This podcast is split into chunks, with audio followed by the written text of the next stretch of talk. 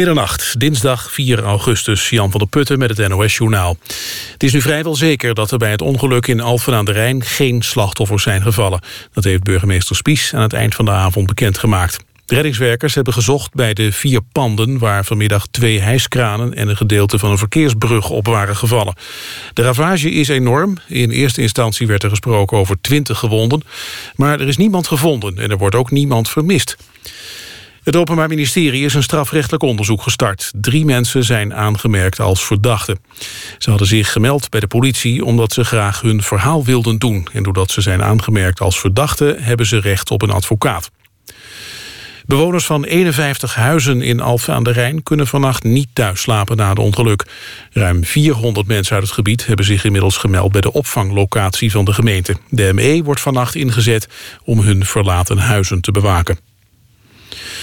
De olieprijs is vandaag met ruim 5% gedaald. De prijs van een vat olie zakte voor het eerst in ruim een half jaar tot onder de 50 dollar. Begin mei kostte een vat nog 68 dollar en een jaar geleden was het nog 115 dollar. Onder meer de dalende vraag en de toegenomen productie van Amerikaanse oliemaatschappijen vormen de oorzaak van de prijsdaling. Een speciale commissie van de Britse politie gaat onderzoek doen naar beschuldigingen van kindermisbruik door voormalig premier Edward Heath. De politie heeft de beschuldigingen begin jaren 90 mogelijk niet serieus onderzocht. Heath leidde van 1970 tot 1974 een conservatieve regering... totdat hij zijn plaats moest afstaan aan Margaret Thatcher. Hij overleed in 2005 op 89-jarige leeftijd. De zaak werd in de jaren 90 al aanhanger gemaakt. Het weer vannacht van het zuiden uit een regen- of onweersbui. Overdag meer buien, soms met onweer. Smiddags droog en zon en het wordt ongeveer 22 graden. Dit was het NOS Journaal. NPO Radio 1. VPRO. Nooit meer slapen.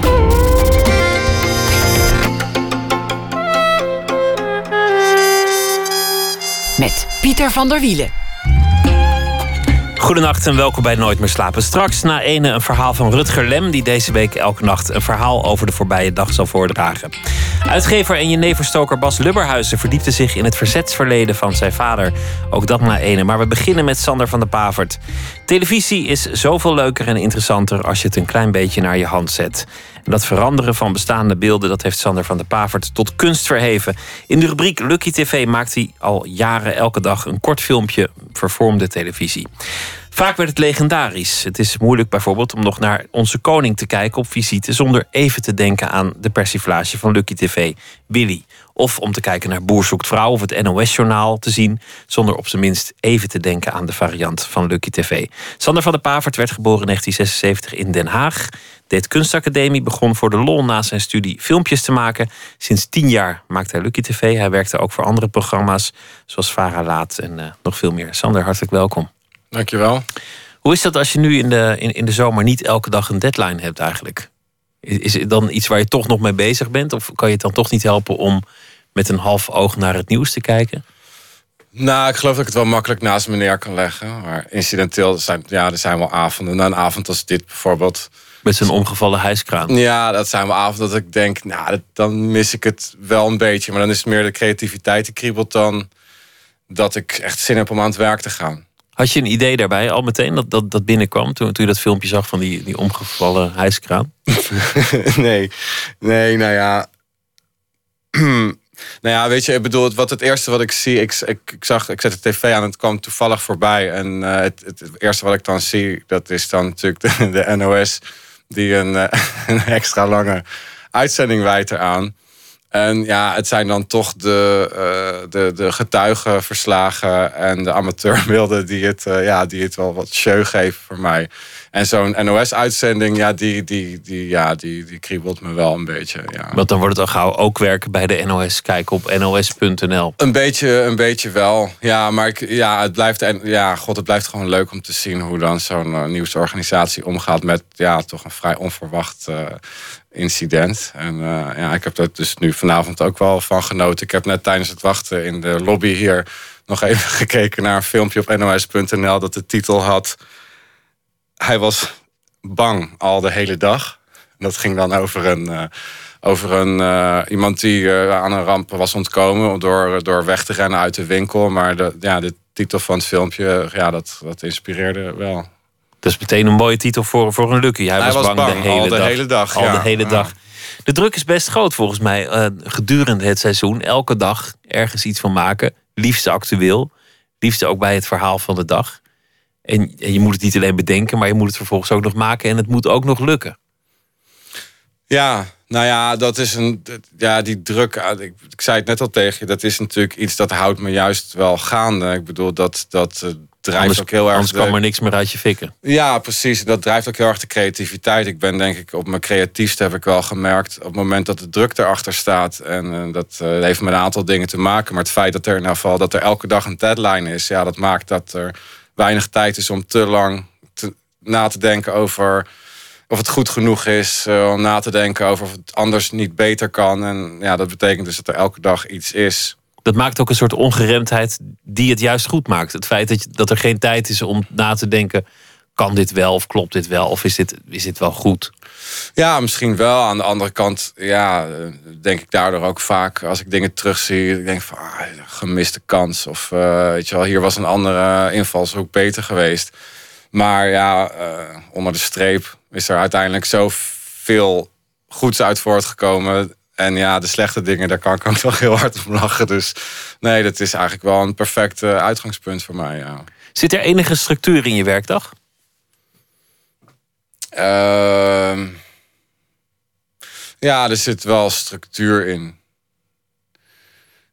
Ja, in, maar dat is, ja, die valt wel in, in een aantal hele simpele eh, eh, akten eh, onder te verdelen, zou ik eigenlijk willen zeggen. Dat is gewoon eigenlijk eh, simpel gezegd. Ik bedoel, ik zou kunnen zeggen, weet je wel, ik bedoel, ik sta niet elke dag om dezelfde tijd op. Bijvoorbeeld, het is niet zo dat ik elke dag de krant opensla om het nieuwste stop me te nemen, maar ja, ik zou kunnen zeggen dat er een moment is van denken en dan een moment is van doen. En dat het echt wel, ja, dat die overgang is vrij ehm, drastisch eigenlijk. Het idee komt en dan komt er ineens een, een wervelwind van energie op gang. Ja, en dat, maar dat is eigenlijk maar een heel kort moment. Het moment van maken, dat is eigenlijk het moment, ja, dat is eigenlijk het minst interessant nog. Ik bedoel, dan wordt het echt wel een beetje een monnikenwerk soms. Maar dan is het ook vrij snel gebeurd. Als je eenmaal het idee hebt, dan, dan gaat het maken vrij snel. Of is, is dat toch nog een heel proces? Nou, dat hangt er heel erg vanaf. Ik bedoel, soms kan een idee zo eenvoudig zijn dat het, dat het eh, bij wijze van spreken een half uur klaar is. Maar soms dan denk ik van god, wat is, zou het leuk zijn als ik eh Dionne straks bijvoorbeeld eh, dit of dat zou laten zetten. En dat ik op zoek moet naar lidwoorden die ze niet uitspreekt, maar die ik toch nodig heb in een tekst. En dan voor ik het weet zit ik alle nieuwsuitzendingen gepresenteerd door Dionne Staks eh, van zes maanden terug tot nu terug te kijken op zoek naar een lidwoord met de goede intonatie. En daar kan ik dan zomaar 7, 8, 9 uur mee bezig zijn. En dan heb je een grap die, weet je, retrospectief misschien maar heel matig is, weet je wel. En je bent er toch de hele dag En mee de bezig. hele dag mee bezig geweest. Maar ja, dat is een kwestie van afwachten. Weet je, ik ben niet iemand die eh, gaat zitten en een, eh, een s- een scriptje schrijft en een idee uitwerkt en het vervolgens gaat maken. Ik, ja, ik werk van onderaf aan naar boven. En als ik bovenaan merk dat het eh, niks is, dan moet ik laag voor laag afbreken. Weer opnieuw beginnen. Weet je wel. Dus het is. eh, En je rookt af en toe ook nog een jointje overdag. ja, ik rook af en toe ook nog lekker een jointje. Ja. Nou ja, dat kan, dat kan natuurlijk helpen om, om de geest wat te verzetten. Maar het kan ook eh, juist niet helpen als, als het al te technisch wordt. Nou ja, weet je, ik bedoel, het is niet zo dat ik een. eh, ja, ik bedoel, ik ga mezelf weer niet afficheren als iemand die af en toe nog wel eens een jointje rookt of zo, weet je wel. Nou ja, het is vrij feitelijke informatie, Ja, toch? ja, dat is het. Maar ja, ik bedoel, het is niet dat ik het nodig heb om, om voor mijn creativiteit of zo, weet je wel. Maar ja, ik bedoel, het is net zo. Het kan, weet je, even een rondje door de kamer heen en weer lopen. Dat kan hetzelfde effect hebben. Laten we luisteren naar een die heel bekend is geworden. En dat was eh, Job Cohen. Mm. En dat, dat filmpje is zelfs een klein beetje aan hem gaan, eh, gaan plakken. Ja. Mevrouw de voorzitter, wij wonen in een mooi en sterk land. Maar we zijn ook onzeker geworden. Bestaat mijn baan straks nog? Ik denk Wat? het niet, Job.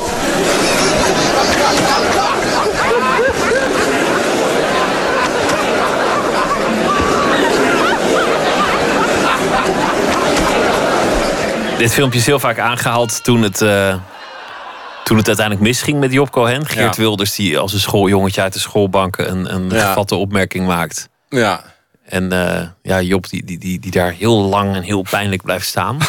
Heb ik straks mijn baan nog wel. Ja. Is dit een idee dat heel snel kwam? Ja, nou, dit is, dit is een idee dat heel snel kwam. Niet alleen dat, het is ook een, een idee dat uit de paniek geboren is. hoor. Ik bedoel, dit is echt een van de vele voorbeelden van filmpjes die in de laatste paar uren voor een deadline ontstaan. En Dan moet je nog iets. Iets is eerder al mislukt misschien? Of, eh, ja, of nou, niks? Ja, nou in dit geval, dit waren de eh, algemene beschouwingen van, nou ja, wat zal het zijn, 2012 12 zitten we dan, denk ik. zou, zou maar eens kunnen. En dat is, nou ja, ik zit er dan wel met veel plezier naar te kijken. Dat is natuurlijk, dat vult twee dagen aan, eh, aan debatten en aan fijne NOS-beelden en reflecties en zo. En, ehm, maar ja, dat is heel veel beeld. En ik weet nog wel dat ik die dag best wel in paniek raakte. Want er is best wel een hoop aan de hand, herinner ik me. En, maar ja, dit was een. Ja, dit, dit had ook heel weinig te maken eigenlijk met de, met de politieke situatie op dat moment. Dit was echt puur gebaseerd op het beeld en. eh, en, en, en de schakeling in dat beeld door de, door de NOS-redactie eh, of de NOS-regie. En nou, daar, voelde, daar zag ik ineens iets in gebeuren. Dat was echt, oh god, het zit weet je wel, een geluid. Dus dat, ja, dat was echt uit impuls geboren, zeg maar. En ja, zoals je zegt, dat is een beetje een eigen leven gaan leiden. Maar ja, die, die, die zat bij mij niet. eh, Want je hebt geen agenda. Dus niet dat je iets wil zeggen of denkt van... nu wordt het tijd dat ik een keer eh, iets met Job, Job Cohen doe. Of, nee. of een soort ergernis of, of wat dan ook. Nou ja, kijk, het, weet je, een agenda. Ik, vind, ik vind zo een dat bedoel in het in, in de in de humor denk ik dat dat sowieso heel erg slecht werkt om een agenda te hebben. Het zou waarschijnlijk niet leuk zijn als, als er iets achter zat van een boodschap of een, of een agenda. Of- Nee, nou wat, wat ik nee, nou ja, wat, wat ik zie op het moment dat, dat mensen die grappig zijn, professioneel, als die een agenda of als die een boodschap uit gaan dragen, dan vind ik het al heel gauw, ja, het blijkt niet grappig te zijn. En ik moet je zeggen, ja, ik twijfel er niet aan of mijn eigen voorkeuren of, eh, of ideeën zullen, zullen onderhuids wel een rol spelen in de keuzes die ik maak. Maar dat doe ik zeker niet bewust. En in het geval van Job Cohen kan ik me niet herinneren dat ik daar nou een heel uitgesproken mening over had. Nee, maar het was toen wel het verhaal. Het, het, het bevestigde iets wat aan de hand was en het- Ja, het heeft ja. hem niet geholpen. Nee, nee. Het heeft hem zeker niet geholpen. Nee. nee. Laten we nog een luisteren. Eh, dit keer gaat het over eh, Ruud Lubbers. Ja, meneer Lubbers, u heeft ooit gezegd... koningin Beatrix is een van de drie belangrijkste vrouwen in mijn leven. Waarom is ze zo belangrijk voor u? Nou ja, ik had dus op de eerste plaats bewondering. En ja, ook. Ja, klinkt wat vreemd dat ik dat zeg. Kijk, de koningin, die heeft. eh, en ja, ik had het gevoel dat zij. Ja, visie. daagt u uit. Ja, daagde mij uit en ze belde me op en zei: Meneer Lubbers, ik ken u al heel lang. En ik zei: Ja, ik, zei, ik weet waarvoor u belt. Dus eh, ja, ik heb in die jaren ontzettend veel seks gehad. Ik heb heel veel seks gehad. Laat ik het eraan toevoegen, als ik te ver ging, dan was ze ook niet, eh, was ze ook streng. En dan zei ze, luister eens even hier, eh, staatshoofd, en, eh, zo hoort dat. En, eh, en dat is ook goed dat het gebeurd is. En ik heb er geen eh, spijt van gehad. Ja. Maar ik, had iets uit te leggen aan Klaus. Je krijgt nog steeds een slappe lach als je het zelf terug hoort. Het is ook Ja. al een tijdje, een tijdje terug deze Ja, natuurlijk. ja. Dit, dit was eigenlijk in het, in het interview, het oorspronkelijke interview... wilde Lubbers vooral duidelijk maken hoe hecht hij was met de koningin. Ja, ja, ja. Ja. Heel veel fragmenten zijn gewoon authentiek in een andere volgorde gezet. Ja, Alleen dat, dat zinnetje van heel veel seks gehad, dat, dat heb je ertussen getoverd. ja, Op, op wat voor manier dan ook. ja. Ingesproken of, of uit andere context gehaald? Of... Ja, nou, dit is, dit is typisch een voorbeeld van, eh, van urenlang op zoek naar de juiste lettergreep, in de juiste toonhoogte, met de juiste eh, intonatie uitgesproken. Zo moeilijk is het overigens niet, maar ja, het duurde wel even voordat ik dat woordje eruit had, ja. Weet je meteen wanneer het werkt, wanneer het goed is? Nee. Daar kom je soms pas later achter. Ja, daar kom ik pas vaak te veel te laat eigenlijk achter. Maar het zijn ook heel veel filmpjes, want, want inmiddels op, je- op jouw site staan er geloof ik 1200 of zoiets. Mhm. misschien, misschien wel meer zelfs. Mhm. vind je, hoeveel vind je er goed en hoeveel niet? Of, of kijk je zelf niet terug?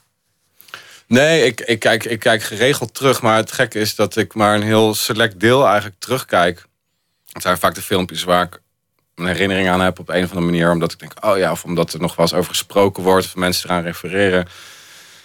Ehm, maar ik ben er ook heel veel vergeten. Want het zijn, er, het zijn er zelfs nog veel meer dan je net noemt. Want ik heb heel veel ook niet op mijn website staan. Hoeveel heb je er ook vanaf gedonderd? Van, nou ja, nou, niet eraf gedonderd, maar ja, dat is ook uit, uit een soort eh laksheid. Vergeet ik ook soms wel eens dingen te uploaden. En er is ook vooral uit, eh, zeg maar, nou ja, wat ik dan inmiddels dan de vroege periode moet noemen.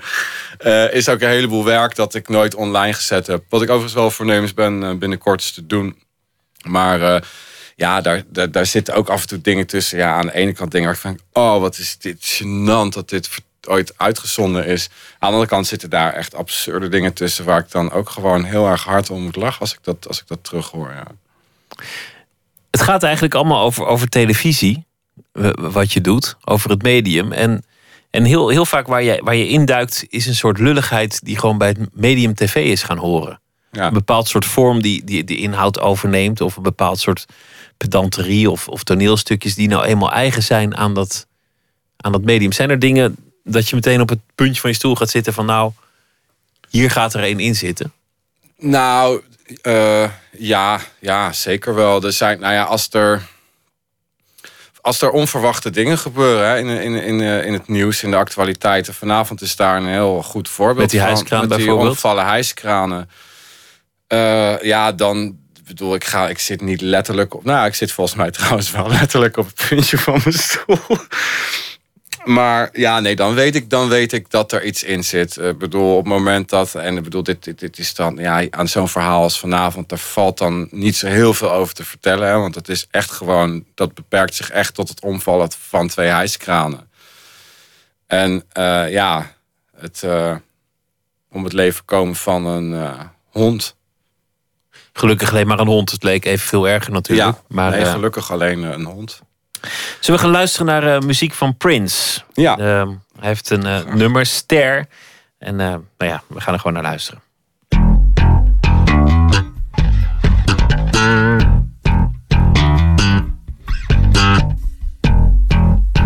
Oh, baby.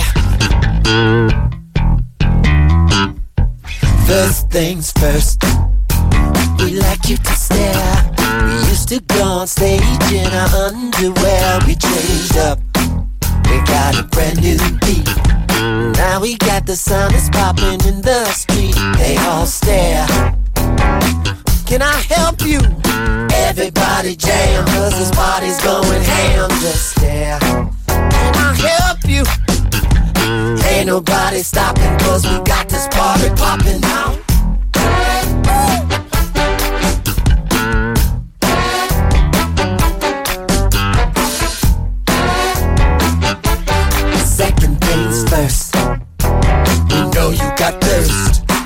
Like it when you're feeding for the funk until it hurts your hair.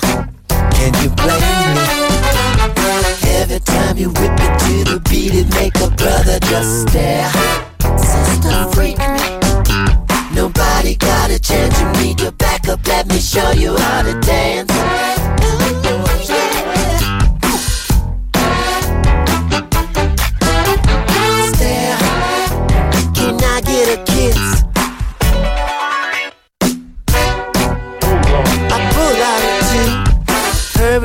Tell me what you wanna do. Do you wanna?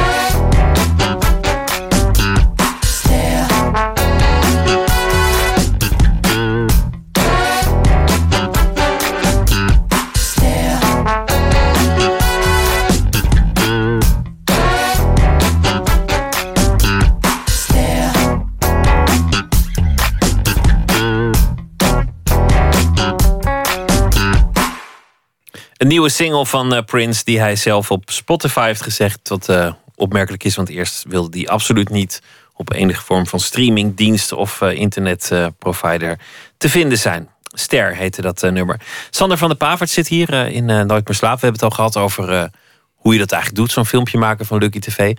We moeten het natuurlijk hebben over Willy, onze koning. Dat een, een enorme hype is geworden, enorm succes. En, en nou, eerlijk gezegd is het ook moeilijk om nog naar een, een officiële plechtigheid met de koning te kijken zonder te denken: wat zal Lucky TV hier weer van, eh, van brouwen? Ik, ik wilde even luisteren naar een, eh, een stuk van het oorspronkelijke interview waar het allemaal mee begon. Dat was vlak voor de inhuldiging. En hij eh, vertelde iets over, over hoe die nou ging heten als koning Willem IV, of toch koning Willem-Alexander. U heeft aangekondigd koning Willem-Alexander te worden. Koning Willem IV had ook gekund. Heeft u ooit in het verleden zelf wel eens over gespeculeerd? Waarom is het Willem-Alexander geworden en niet Willem IV? Ehm, ik heb in het verleden wel eens gezegd dat het voor de hand zou liggen dat het Willem IV zou worden. Maar ik heb nooit gezegd wat het zou worden. En ik heb het eigenlijk ook pas vrij recent voor mezelf besloten. Ehm, allereerst is mijn naam Willem-Alexander. Het is gewoon één naam. En ik heb mijn hele leven, eh, 46 jaar, doorgebracht als Willem-Alexander. Eh, en dan met name onder de roepnaam Alexander. Ik zou het heel raar vinden om dat nu overboord te moeten zetten. Eh, omdat je een, een, een koning wordt van een land. Eh, aan de andere kant, eh, ja, je bent geen nummer. Eh, Willem IV ja, staat naast Bertha 38 in de wei. Eh, U zegt het, ik zou het niet durven zeggen, maar goed. Nee, maar je bent dan toch Willem. Je bent, voor de historici ben je Willem IV. Maar je wordt niet in, in de straat aangesproken als hallo Willem IV. Eh, dan ben je, ben je Willem. Dus ik zeg dan maar mijn eigen naam. Eh, dat is gewoon Willem-Alexander. En hier hoor je hem eigenlijk al, hè? Ja, Dit- dit is een heerlijk fragment. Ik, het is echt heerlijk om dit zo te horen, ook zonder beeld erbij. Want je, je eigenlijk, eigenlijk schijnt Willy al een beetje door Willem-Alexander ja, heen. Ja, ja, dat zit hem ook gewoon. weet je, Je, hoort ook hier, je hoort ook. Ja, dit is, dit is eigenlijk een verschrikkelijk tenenkrommend eh, moment eigenlijk hoor. Want hij is, dit, is, dit is zo onnatuurlijk verhoord hoe onnatuurlijk dit is. Hij vindt dit ook echt verschrikkelijk om te doen. En hij heeft hier, bedoel, is volgens mij in het hele interview heeft hij een aanzet een aantal van die dingen natuurlijk in. Maar dat, dat Bertha 32 in de wei.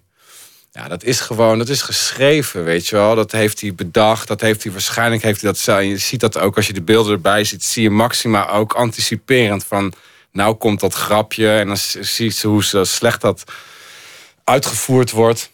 Maar ik denk dus ook dat die, dat merk ik bij mezelf ook misschien af en toe wel eens hoor, dat als ik me ongemakkelijk voel in een gezelschap of op een bepaalde plek, dat ik geneigd ben om een beetje een rolletje aan te nemen of een of een bepaal, ja, dan kan het helpen om iets waar je op terug kan vallen. En dat is bij hem ook, ja, hij gaat ook een beetje zo, een beetje zo, ja, een beetje, eh, weet je, zo gaat hij doen. En dat, dat voelt ook wel.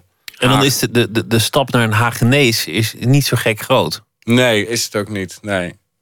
Hij, hij praat niet echt Haags. Dat, dat kun je niet zeggen, dat, dat Willem-Alexander Haags praat. Nou, in de zin, kijk, ik bedoel, als je het over, over een Haagse accent hebt, dan gaat het heel vaak over hoe de, eh, eh, klinkers en zo eh, worden uitgesproken.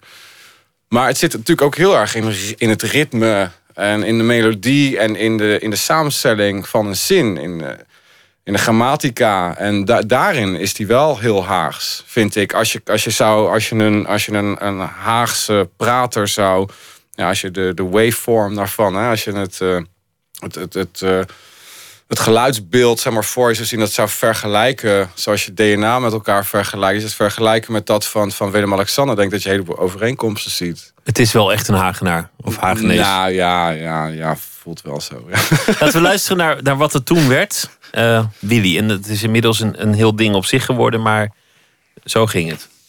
U heeft aangekondigd koning Willem-Alexander te worden. Eh, waarom is het Willem-Alexander geworden en niet Willem IV? Het belangrijkste is dat je authentiek blijft. Dat je zelf bent. Ja, ik ben geen nummer. Eh, Willem IV, dat is toch geen naam? Rek 3. Dat staat toch ook nergens op? toch? Ja. En, nee, maar het is allemaal maar gekkigheid. Het is toch gekkigheid? Eh, Ik ben toch gewoon Willem? Noem me gewoon eh, bij mijn eigen naam. Ik ben geen Turk. Hij is gek. Hey, dit is een grapje hoor.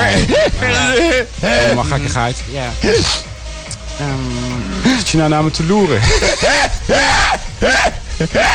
Maar niet uit. Ja, dit is geen grapje hoor. Ga dit allemaal doen.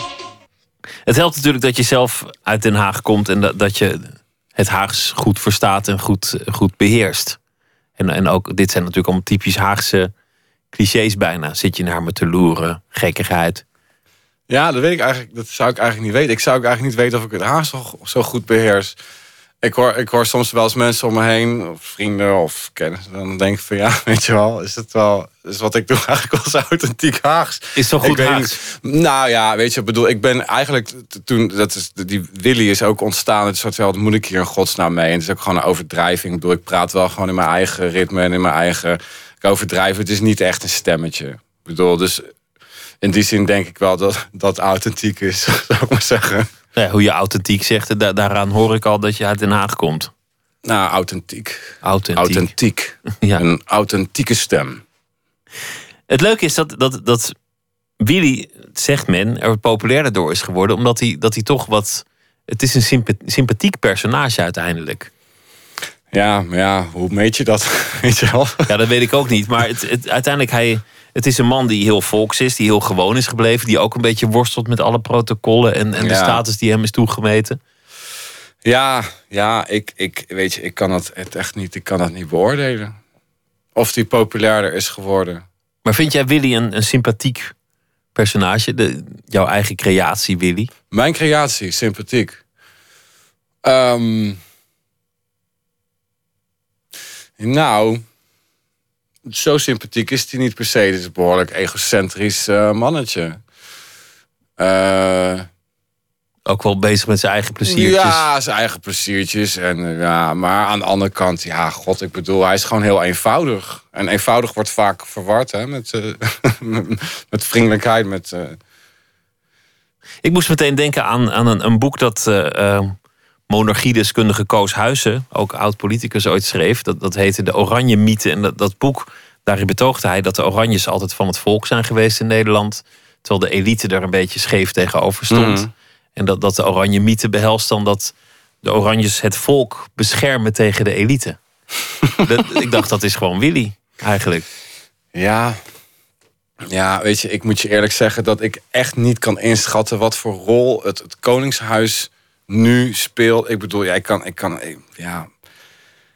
Ik kijk naar eh, uitzendingen van NOS Koningshuis. En ik zie af en toe hoe mensen in het oranje gehuld eh, schreeuwend langs de kant van de weg staan. Maar als ik in mijn directe omgeving kijk, ja, dan, dan, zie, ik, dan zie ik niet zo'n grote rol voor dat Koningshuis, eerlijk gezegd. Anders dan die, eh, ja, dat. Een feestdag af en toe en een, en een lintje hier en daar. ja, nou ja, ja, ja. Maar het is een van de dingen waar je traditioneel eh, voorzichtig mee moet zijn. Je mag, je mag niet te veel grappen maken over het Koningshuis, want dan worden mensen boos. Toch wordt Willy wel gepikt, terwijl eh, filmpjes over Beatrix... die konden nog wel eens tot ophef leiden. Dat is ja. eigenlijk, eigenlijk opmerkelijk.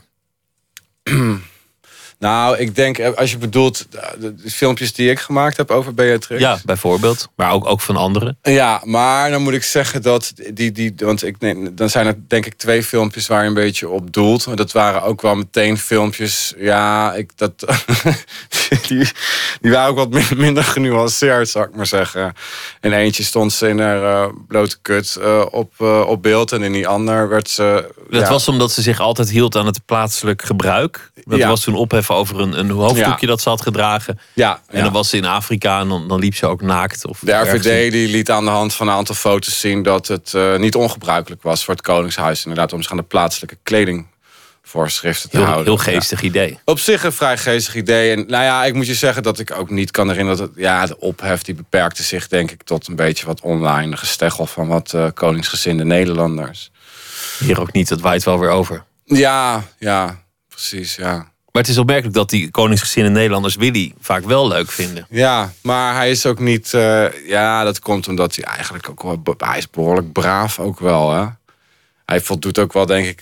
Ja, ik, ik speel natuurlijk ook wel eens met de gedachte om hem een beetje de verkeerde kant op te sturen, weet je wel. Dat een subtiel, dat subtiel racisme, zeg maar, omslaat in echt gewoon klinkklaar gewoon rassendiscriminatie. Of dat hij echt heel erg onaardig wordt tegen zijn kinderen of tegen zijn vrouw. Ik bedoel, met die gedachte speel ik natuurlijk ook wel. dan mag je gerust weten. Maar dat, gaat- dat gaat echt op de dag van het, het leukste filmpje nu? Of denk je ook op een langere termijn van waar gaat dit naartoe? Of hoe lang blijft dit leuk? Ja, nou kijk, weet je, ik bedoel, het, het, het blijft voor mij gewoon leuk om het te doen. En het is ook wel leuk om hem nog geen, geen suïcide te laten plegen. In, in die zin karaktersuïcide, zou ik maar zeggen. Dus het is het leukste om, het bedoel, het is voor elk, dat geldt natuurlijk denk ik voor elk komisch karakter. Dat het het leukste is om een beetje op die grens te balanceren en om hem er niet meteen overheen te laten springen. We moeten nog verder. Ja. Ook al zou het niet gaan over het Koningshuis, dan zegt het voor mij althans heel veel ook over, over de Hagenees. Over, over de stad Den Haag. Mhm. En, en, en de, de, de cultuur die daar thuis hoort. Mhm. Een stad waar jij ook bent, bent opgegroeid. Een van de wonderlijke dingen is dat die, die gespletenheid van het hele chique of het hele volkse zit al in die stad. Er zit zo weinig tussenin, lijkt het. Je hebt het, het zand en het veen, de goede kant, de slechte kant. Ja, de Hagenaar, de Hagenees. Ja, ik, ik bedoel, ik, ik ken die gespletenheid eerlijk gezegd niet zo hoor. Ik, ik bedoel, ik, ja, god, ik, ik herken Den Haag net zo min in, in, in die typering eh, als ik Amsterdam herken in typering van ja, eh, hipsters en eh, toeristen of zo. Weet je, dat is ook ja, niet waar. zijn denk ik gewoon. Ja, ik bedoel, de, de- Den Haag is net als elk, bedoel, elk ander dorp in Nederland, weet je wel. Het is. ja, er zit, er zit tussen het zand en het veen zit nog een stukje dat heet uh, Regentesse en daar woon ik. Dus, Precies, dus ja, precies. Jij, jij groeide op in Den Haag en volgens mij kwam jij gewoon uit een, uit een vrij net nest. Je vader was bioloog. Gewoon, gewoon een, een, een normaal gezin. Heel, heel normaal, heel normaal gezin. Maar, maar je hebt wel dat waar je een beetje eh, grapjes over maakt bij, bij Willy. Van, van de hey, pilletje hier of hey, pilletje Mm. daar. Of, of het een beetje hosselen. Dat, dat soort mensen ken je wel goed. Die heb je wel meegemaakt. Ja, zeker. jaren. Nee, zeker. Ik, ik, woonde, ik woonde in Den Haag Zuidwest, ben ik opgegroeid. Nou, voor wie uit Den Haag komt, die weet dat dat is, ja, dat is een beetje. Het is suburbia, maar het is ook, eh, ja, dat ligt vlakbij Loosduinen. Tussen Loosduinen en ja, eh, Morgenstond bijvoorbeeld. Nou, dat is gewoon, nou, het zit gewoon, eh, dat is gewoon Volks Den Haag. Weet je, is ook een hoop tuig gewoon. Echt veel lol gehad daar ook. Ik was ook zelf, ben ik ook wel een beetje die zijn wel tuig geweest. Hoewel ik natuurlijk, ja, god, hoe gaat dat? Weet je wel. Ik kom inderdaad, zoals je zegt, uit een vrij beschaafd eh, gezin. Maar ik heb dat stukje Den Haag wel opgezocht als, eh, als tiener. Ja, Want het was gewoon leuker, gezelliger. nou, nou ja, het bood wel, eh, het bood wel ja, genoeg input, zeg maar. Weet je, er gebeuren daar gewoon hele lijpe dingen. Weet je wel, we zaten, ik heb een tijdje daar met een vriendje, hingen we rond in Loosduinen, in een koffieshop. Heette Poel Loosduinen. Weet je wel, nou ja, daar liepen gewoon gasten rond. En die hadden dan, eh, weet je, die liepen met wapens. En die, eh, ik het ging helemaal nergens over. We associeerden ons verder niet zo heel erg mee. Maar ja, dan zag je gewoon mensen, ja, die kwamen normaal gesproken niet tegen. Nou, af en toe ging er was per ongeluk één mee naar huis. En dacht van, god, heb ik nou, als de moeder nou thuis komt... dan zat er zo'n crimineel op mijn, mijn jongenskamertje, weet je wel.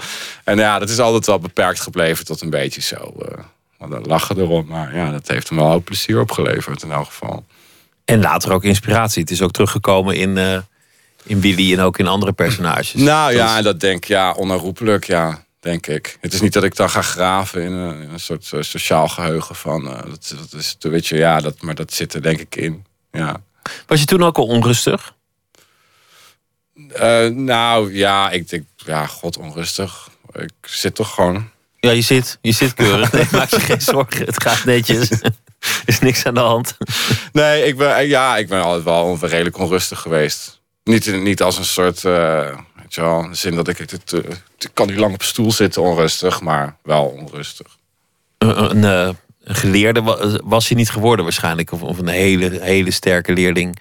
In de zin van dat je heel erg paste in, het, in, het, in de discipline van de school. Nee, nee, nee, dat niet. Maar aan de andere kant kan ik me ook best voorstellen dat dat, dat, zomaar ook wel kunnen gebeuren als de omstandigheden goed geweest waren hoor. Maar nee, dat was op dat moment, in, ja, in die context niet, niet, eh, lag dat niet voor de hand, nee.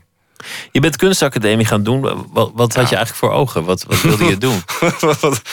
What were you thinking? Ja, nou ja, misschien had je een plan nee, of just iets. question. Nee, ja, eh, eh, ja, ik wilde gewoon heel graag knutselen met karton en kraaltjes en eh, lijm.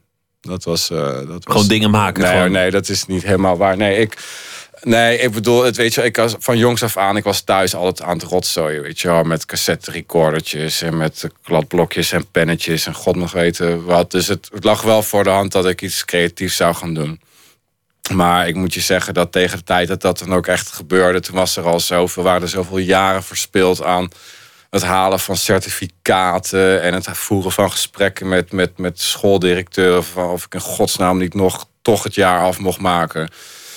Ja, dat, dat daar de lol, ja, dat, dat, dat werd ook een beetje. En ik moet je zeggen, die opleiding die ik gevolgd heb daar, dat ik daar, nou ja, ik kijk er niet op terug. eh, met het gevoel dat ik daar heel erg veel eh, geleerd heb. Op een aantal uitzonderingen na dan. Maar wel netjes afgemaakt. Ik, nou ja, ik heb het afgemaakt. Niet netjes zou ik niet willen zeggen, maar ik heb het wel afgemaakt, ja. Dat vind ik op zich al netjes, dat je het hebt afgemaakt. Ja, ja. En toen, eigenlijk pas na die studie kwam ineens eh, het filmen. Dat, dat je ineens dingen ging, ging maken met audiovisueel materiaal. Ja, ja. Hoe ging dat? Eh, nou, dat, ja, dat is een hele. nou ja, eigenlijk, dat was, dat eigenlijk min of meer uit het niets. Eigenlijk. Ik, eh, ik, ik weet nog dat ik na het afstuderen op die academie. heb ik volgens mij best wel een tijdje niks concreets gedaan. Achter de bar ge- gewerkt en dat soort, eh, dat soort dingen. In een restaurantje in de keuken gestaan. Maar ik was ondertussen was ik thuis altijd wel nog steeds bezig met, met apparaatje. Muziek, veel muziek gemaakt in die tijd. Maar eh, ja, een van de fijne dingen aan was ook wel dat ik... Mijn ouders die gaven mij toen een, een, een videocamera cadeau. en dat was in die tijd, dat, waren, dat, was, nou, dat was in 2000 was dat, weet je wel. Dus dan een, een digitale consumer videocamera. Nou, dat was natuurlijk best wel een investering. Maar dat was dus ook een ding waar ik heel erg blij mee was. Ik droeg dat ook een tijdje bij me. En ik filmde dan gewoon om me heen. Nou ja, zoals, weet je wel, met vrienden op pad ging. En het waren eigenlijk vrij lullige videobeelden. Dus die noodzaak tot het monteren daarvan, die, die, die drong zich al, al vrij gauw op. En ja, toen kwam eigenlijk, het ging eigenlijk heel erg om die techniek die ik toen tegenkwam. Van ja, weet je, wat gebeurt er als je knipt in een videobeeld? Zoiets simpels, een stukje gewoon tussenuit laat van een seconde. En ik zag daar direct, denk ik, de lol van in. En ik denk dat daar een beetje mijn, mijn lol in het monteren vandaan is gekomen. En toen ben je op een gegeven moment bestaande televisie gaan, gaan vervormen. Hoe, Ja. hoe kwam die stap tot stand? Ehm, ja, ik geloof dat dat toch wel. Ik, ik geloof dat het te maken had met het feit dat ik zat, ik zat thuis. Ik had gewoon een, hoop, een grote stapel met, weet je wel, computers en eh, alles op mijn bureau staan. Ik zat daar die beelden die ik eerder beschreef mee te monteren. Maar ja, dat, ja, ik bedoel, ik, ik ben geen cameraman. Dus je krijgt dan, weet je, dat de beelden van dat je met z'n allen biertjes zit te drinken bij iemand thuis. En ja, probeer daar maar eens iets leuks van te maken. Dus volgens mij ben ik uit noodzaak gewoon op zoek gegaan naar, naar, naar materiaal ja, van, van derden, zou ik maar zeggen. Dus dat begon met, weet je wel, spelshows van de ZDF of zo. Dat ik daar dan in begon te knippen. En dat was heel amateuristisch, ging het eraan toe, weet je wel, met stukjes eh, met overlees en maskertjes en heel flauw. Maar dat, ja, dat, dat was heel technisch in het begin. Je beheerst wel alle, alle wetten van de televisie. Juist door ermee mee te spelen lijkt het dat, dat je precies de genres snapt en de, en de clichés van ieder genre. En dan soms combineer je dingen. Bijvoorbeeld een, een eh, nou ja, je doet sp- sportverslaggeving onder iets wat helemaal geen sport is. Maar dan wel met alle clichés van de sportverslaggeving. Ja, Waardoor het werkt. Het lijkt alsof je alle tv-wetten feilloos begrijpt. ja dat denk ik ook, ja. Komt dat omdat je heel veel tv hebt gekeken? Of heb je er ooit echt studie van gemaakt? Nee, nou, ik, ja, ik, weet je, ik, ik weet trouwens helemaal niet. TV-wetten, ja, ik weet niet of ze er zijn eigenlijk ook hoor. Maar ja, je hebt gewoon te veel tv gekijk- gekeken om antwoord op je vraag te geven. Maar gewoon. En dan ken je gewoon de clichés en dan denk je, oh, dit zou wel eens kunnen werken bij dat. Ja, nou weet je, het is, het is niet zo dat, eh, ja, zo gaat het. Het is niet zo dat je denkt dat iets werkt. Het is toch gewoon vrij impulsief, weet je wel. Iets, Je maakt het en het werkt of niet. ja, En dan, ik. en dan door. Ja, dat denk ik. Maar ja, ik bedoel, als je naar een. Dat bedoel, dat gaat. Dat is toch een beetje. Dat jij als iemand die is voor het publiek dingen. eh, Weet je in de microfoon blaert. Weet je, dan voel je ook gewoon af. Ja, dat er moet een soort comedy in zitten. Weet je, daar moet een soort ritme en een gevoel in zitten. Dat. Ja, dat geldt Dat hetzelfde als je een filmpje van een, eh, ik, van een paardendressuur eh, eh, geluid onder zit te zetten. Ja, dan kan je toch niet anders dan vervallen in de clichés van sportverslaggeving. Die, die vorm van, van Lucky TV, die werkte. Eigenlijk, eigenlijk vrijwel vanaf het begin. Eerst deed je het bij, bij Vara Laat en, en later bij de Wereld Door. En steeds meer ging dat werken. Dat is natuurlijk ontzettend gaaf en mooi. Maar tegelijkertijd ook iets wat, wat een beetje als een blok aan je been hangt. Om, omdat je geen andere dingen kunt doen, want daar heb je de tijd niet voor. Het is die ene vorm die jou opslokt en die maar doorgaat en doorgaat. Mm. Denk je ook wel eens van, goh, misschien is er een, horizon daarachter. Of is er iets wat ik zou willen doen met een, met een langere spanningsboog of een heel ander genre? Of... Ja, nee, tuurlijk denk ik daar wel eens over na. Ja, het is, kijk, voorlopig voel ik me gewoon wel heel erg thuis in dat, in dat formatje, weet je. Omdat het, het, is, het, het is zo vaak en het is zo eh, compact eigenlijk, dat ik er, ik kan er zoveel eigenlijk in kwijt, weet je wel. Het is als ik zin heb om een liedje te zingen, dan kan ik dat doen. En als ik zin heb om een tekstje te schrijven of om een beetje stom te monteren. Dus dat geeft me nu nog heel, weet je wel, ik word er heel blij van om dat te doen. Maar ja, het is natuurlijk zo dat er borrelt natuurlijk van alles eh, onder de oppervlakte. En ik denk, ja, op het moment dat dat eh, niet meer te houden is, dan denk ik ook wel dat dat weer leidt tot iets anders. Het is niet zo dat ik ambities heb van. Ik zou nog wel eens een film willen maken of een eh, roman willen schrijven. En dat dat dan, weet je wel, ik zal daar, ik zal niet voor een idee maar ophouden met wat ik nu aan het doen ben. Maar ik denk niet dat ik te stoppen ben. Als het idee helemaal groot genoeg is, Ja. als, het, eh, als het die vorm aanneemt. We gaan luisteren naar Tame Impala. Dat is een, eh, een band uit Australië. Ze hebben een nieuwe derde album, Currents. En daarvan een nummer met als titel Cause I'm a Man, Woman. Cause I'm a man.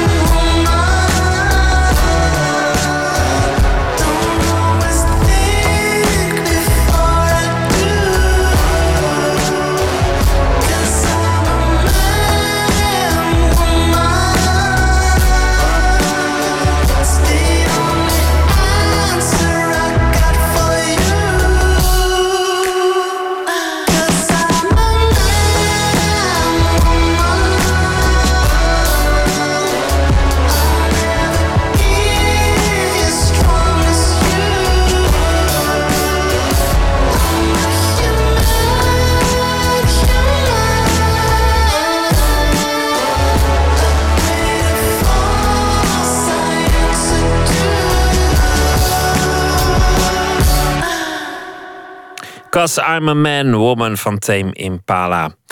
Nooit meer slapen in gesprek met Sander van de Pavert. We hebben het eh, gehad over Lucky TV en eh, alle effecten daarvan. Het leek eigenlijk een beetje als- alsof je ook wel niet zoveel kan deren wat, wat er verder gebeurt. Job Cohen heeft last van, van een filmpje, het gaat aan hem plakken.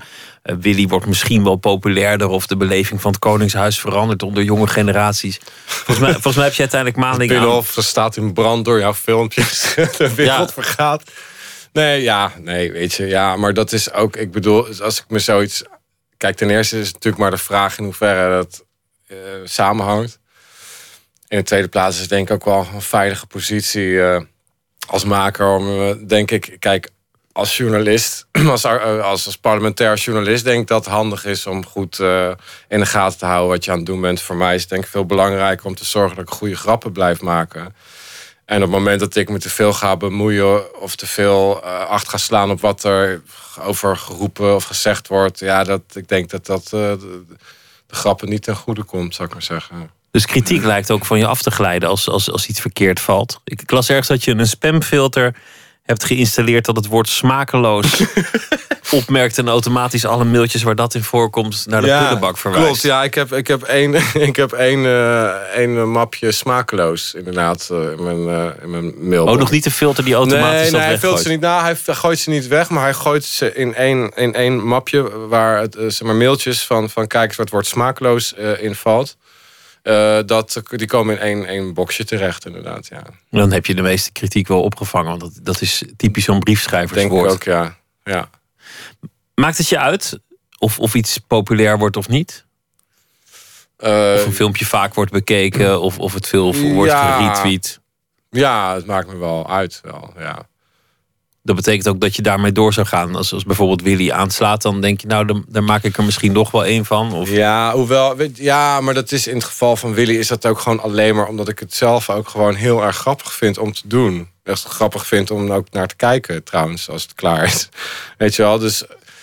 Maar ja, ik bedoel, als ik. eh, ja, moeilijk om een goed voorbeeld te noemen, maar. Als ik iets zou maken wat ik echt, echt zwak vind.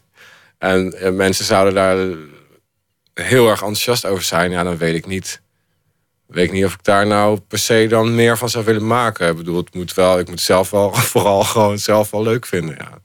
Nou, er zijn er ook wel, want, want Willy is, is ontzettend grappig, maar het is, het, het is misschien niet de meest subtiele. Soms zijn er hele absurdistische filmpjes Ja. tussen, die, Ja. die erg onthecht zijn. Die, die ik dan, die ik Ja. dan eigenlijk op, een, op het artistiek niveau misschien wel beter vind. Nou ja, oké. nou ja, ik zou het liefste, bedoel, als je, het, als het zo stelt, ik zou het liefste hebben dat mensen ook, dat er een, groot publiek was voor de eh, zeer absurdistische eh bijdrage. Ja. Ik vind het wel, ik vind het jammer, soms maak ik dingen waar ik, eh, waar ik eh, eh, eh, zelf eh, kapot aan ga van plezier. Die, ja, die, die, die, die nauwelijks worden opgevangen. Maar ja, aan de andere kant word ik ook wel eens aangesproken door mensen die dan zeggen, dat, weet je wel, die dan zo'n absurdistisch filmpje aanhalen waar nog nooit iemand over gesproken heeft, wat ik zelf ook nooit meer terug zeg van ja, en die kunnen dan, dat is dan één iemand, die heeft één zo'n filmpje dan, weet ik veel, 200 keer gekeken. En dan, weet je dan voelt het ook alweer van ja, nee, dat maakt het ook in die zin niet zoveel uit. Dus ik blijf ze ook met net zoveel plezier maken. Is er veel veranderd nu je succes hebt in jouw eigen leven? Want, want jouw beroepspraktijk is gewoon op een zolderkamertje staan. Je, je wijst naar je vriendin die Ja, hier, eh, wijs, aan de andere kant mijn van. Aziatische, mijn Aziatische vriendin. Zonder, zonder mijn succes had zij hier waarschijnlijk niet gezeten. Nou, dat weet je toch niet? Dat, dat is een hele, hele tragische constatering. Dat je, dat je vriendin met het succes is gekomen. Ja, nee, nee, dat was echt, dat was heel duidelijk dat, dat, eh, dat ze echt achter mijn succes aan zat. Maar anderszins eh, denk ik, weet ik dat er niet veel veranderd is. Nou ja, je wordt voor heel veel dingen gevraagd. Ik bedoel, je, je- je bent dan ineens een eh, best geklede man van, van Nederland. Word je voor genomineerd. Je wordt Ja. vast gevraagd voor allerlei evenementen. Ja. Je wordt gevraagd Ja. voor... Doe je niet zo aan mee? Nou, ik laat, me- ik laat me wel eens verleiden natuurlijk. Ik bedoel, zo ijdel ben ik dan ook alweer. Eh maar ja, ik moet je zeggen, ik sta niet per se te trappelen... nee, om mee te doen aan eh, de slimste mens of... eh, ja, ik weet niet, dat is eigenlijk het enige programma waar ik nu eventjes op kan komen. Maar goed, al die, al die, al die celebrity dingen, di- daar, daar blijf je weg. Nee, nou, nee, dat is niet helemaal waar. Ik vind het, ik vind het trouwens, ik, vind het, ik, heb daar, ik beleef daar ontzettend veel plezier eigenlijk aan, aan, het, eh, aan, aan die celebrity eh, onderdeel, dat onderdeel van mijn leven. nee, maar ik bedoel, nee, ja, Jezus, nee, ik begrijp, je begrijpt wat ik bedoel, weet je wel. Ik, ik, ik, ik, ik, eh, ga er met veel plezier, ga ik natuurlijk naar een uitreiking van een, van een gouden kalf, om dat dus van dichtbij te bekijken. Maar het is niet dat ik me nou heel erg eh, thuis voel in eh, dat domein. Mensen om je heen zeggen dat je, dat je veel met Lego speelt thuis. Dat dat een van de dingen is die je, waar je vrij verslaafd aan bent. Dat je, dat je allerlei creaties van Lego blokjes maakt. Ja, ja nee, dat klopt. Hele- ik mag hele graag torens. met Lego spelen inderdaad. in, de Ja, maar het is waar, toch? Ja, ik, wel, ik mag graag een blokje taal nemen, inderdaad, ja. Verder wordt, wordt gezegd dat, dat het vrij chaotisch is in, in eh, ja. werken ik met, wil met, toch met graag wel weten wie dat over dat Lego gezegd heeft. Maar dan komen we dan na de uitzending nog wel even Ja, maar- nou, ik, ik, ik moest zeggen dat ik het niet ging zeggen. Nee. Ja, ga door. nou ja, ik krijg, het, ik krijg eigenlijk het beeld van dat, dat, je, dat, je ook, dat het ook een beetje iets jongensachtig is gebleven. Dat, dat daardoor de creativiteit ook blijft Ja. vloeien. Om, omdat er, dat er een soort Nou, jeugdige frisheid behouden is. Dat de volwassenheid je nog niet heeft ingehaald.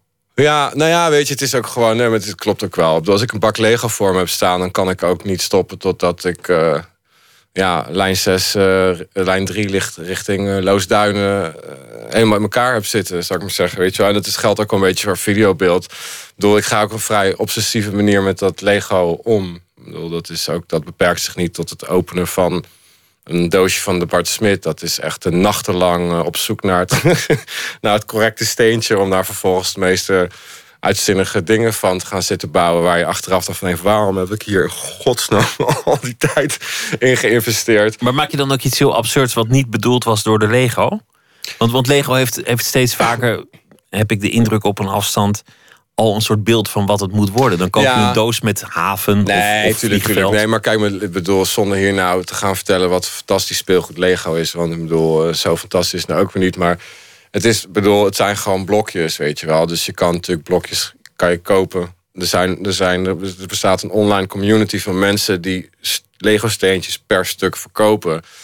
Ik, eh, weet je, er, zijn, er zijn duizenden van die, van die kleine, dat zijn jongens, eh, weet je wel, van, van mijn leeftijd die in een huis zitten met allemaal van die kleine bakjes. En die verkopen vanuit ja, tot, tot in Midden-Afrika aan toe.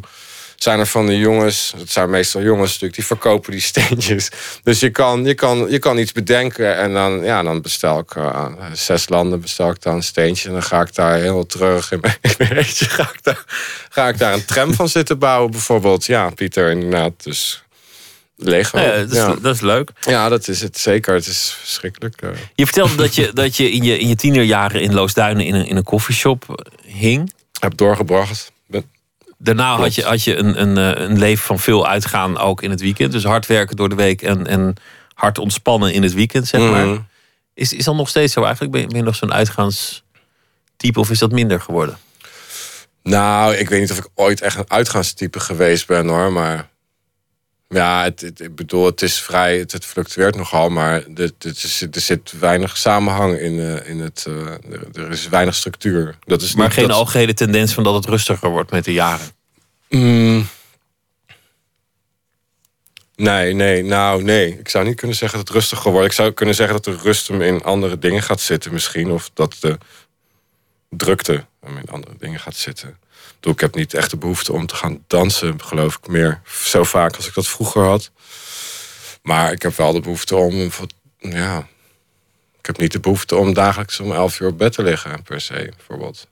Nee, maar omdat die, die vrolijkheid, dat is eigenlijk waar het allemaal om draait. Een bepaalde vrolijke manier van, van naar de wereld kijken. Ja. Daar, daar lekker mee gaan klutselen. ben een vrolijk een, mens. Een klein beetje onthecht. Die, die, die vrolijkheid, die, die kan natuurlijk op allerlei manieren worden ingeperkt door deze kwaadaardige samenleving. Ja, dat is waar. Door, door de Belastingdienst of door, eh, door, door, door andere Oh. bureaucraten of Ja. weet ik veel. De, de, Ja. Op allerlei manieren. Er is Nou ja, allerlei bedoel- serieusheid. nee, maar goed, ik bedoel, die, die, die, die blijdschap, dat, die, die bestaat natuurlijk ook wel bij de gratie van alle ellende die er is. Ik bedoel, ik kan verschrikkelijk, ik bedoel, je noemt nu de, de fiscus als voorbeeld, maar administratie is bij uitstek iets waar ik bijzonder ongelukkig van kan worden. Van het feit dat er iets eh, in het vooruitzicht is, iets waar ik eh, niet helemaal grip op heb en waarvan ik niet weet wat er in die envelop zit. Maar daar kan ik, ja, ik bedoel, ik kan er bijzonder onaangenaam gevoel van krijgen. Maar dat, ja, dat maakt misschien ook wel dat, het, eh, dat de explosie aan de creatieve kant des te krachtiger is. Ja, maar volgens mij is de oerbron van, van dit alles is gewoon die vrolijkheid. Wat je, wat je zelf zegt, ik heb een vrolijk karakter. Ja, ik ben een vrolijk mens. Een vrolijk blij mens. een gelukkig mens. Leuk. Ja. Hoe lang ga je nog door met, eh, met Lucky? Zolang het leuk is? Of, of, of of is dat eigenlijk niet iets wat je doet? Nadenken over wat het leven je, je brengt. Over waar je wil staan over tien jaar. Of, eh, of misschien een groot plan om een gezin te stichten met, met, met je geliefde. Nou, ik ben, ik ben, niet, ik ben niet iemand van, van, eh, van eh, ambities in die letterlijke zin. Nee. Of, of van planning of dat Nee, soort in dingen. planning ben ik bijzonder slecht in. Ik bedoel, er zijn dingen waar ik van denk, nou, dat lijkt me wel leuk. Maar ja, tot, tot het moment dat er een, zich een concreet idee aandient, ja, blijft dat gewoon een idee. Het is wel mooi eigenlijk dat dit op je pad is gekomen. Dat, dat het iets is wat alleen jij zou kunnen maken. Wat, wat heel erg bij jou past. Dat, dat, dat toch zijn weg heeft gevonden naar jou toe. Of andersom, jij naar datgene. En dat het, dat het ook nog werkt. Hmm. Ja, volgens, mij, volgens mij is het, is het, is het best een, een bijzondere niche die, die ervoor zorgt dat, dat het toch nog allemaal op zijn plek is gekomen. Ja, ik heb een hoop geluk gehad. Nou ja, een beetje wel ook misschien. Maar je hebt het ook afgedwongen uiteindelijk. Ja, nou ja, ik, eh, ja, dat, ja, dat weet ik eigenlijk niet. Dat weet ik niet. Of ik dat heb afgedwongen.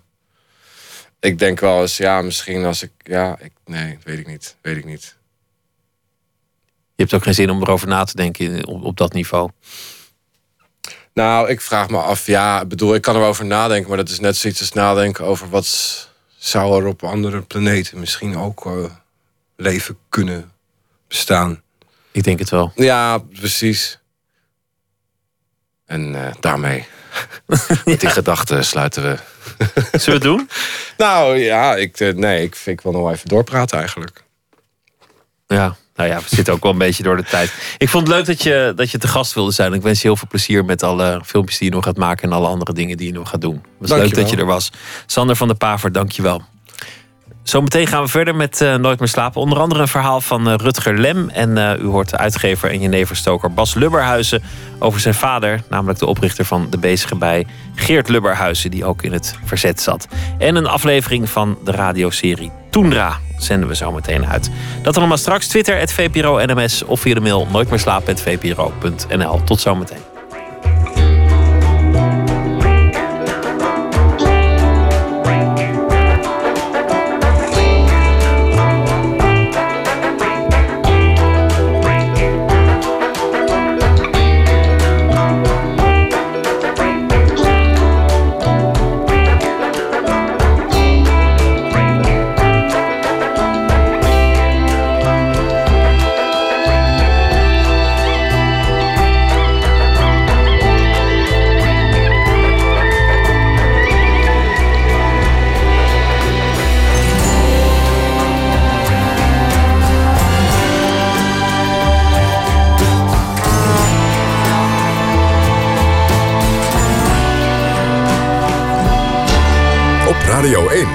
Nieuws van alle kanten.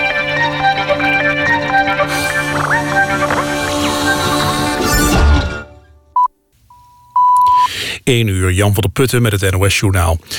Het Openbaar Ministerie is een strafrechtelijk onderzoek gestart... naar het ongeluk met de hijskranen in het brugdeel in Alphen aan de Rijn. Officier van Justitie Nooy zei op een persconferentie... dat drie mensen zijn aangemerkt als verdachten. Ze hadden zichzelf gemeld bij de politie... omdat ze graag hun verhaal wilden doen. Nu ze officieel verdachten zijn, hebben ze recht op een advocaat. De OM vindt het nog te vroeg om te spreken van schuld of van strafbare feiten. De Inspectie Sociale Zaken en Werkgelegenheid onderzoekt of de arbeidsomstandighedenwet is overtreden. Puerto Rico kan niet aan zijn betalingsverplichtingen voldoen. Het Caribische eiland had 58 miljoen dollar aan rente moeten aflossen op een lening, maar dat is niet gebeurd. Er werd alleen 628.000 dollar overgemaakt. Puerto Rico hoort bij de Verenigde Staten, maar is voor een groot deel zelfstandig. Het eiland kan daarom maar beperkt een beroep doen op hulp uit Washington.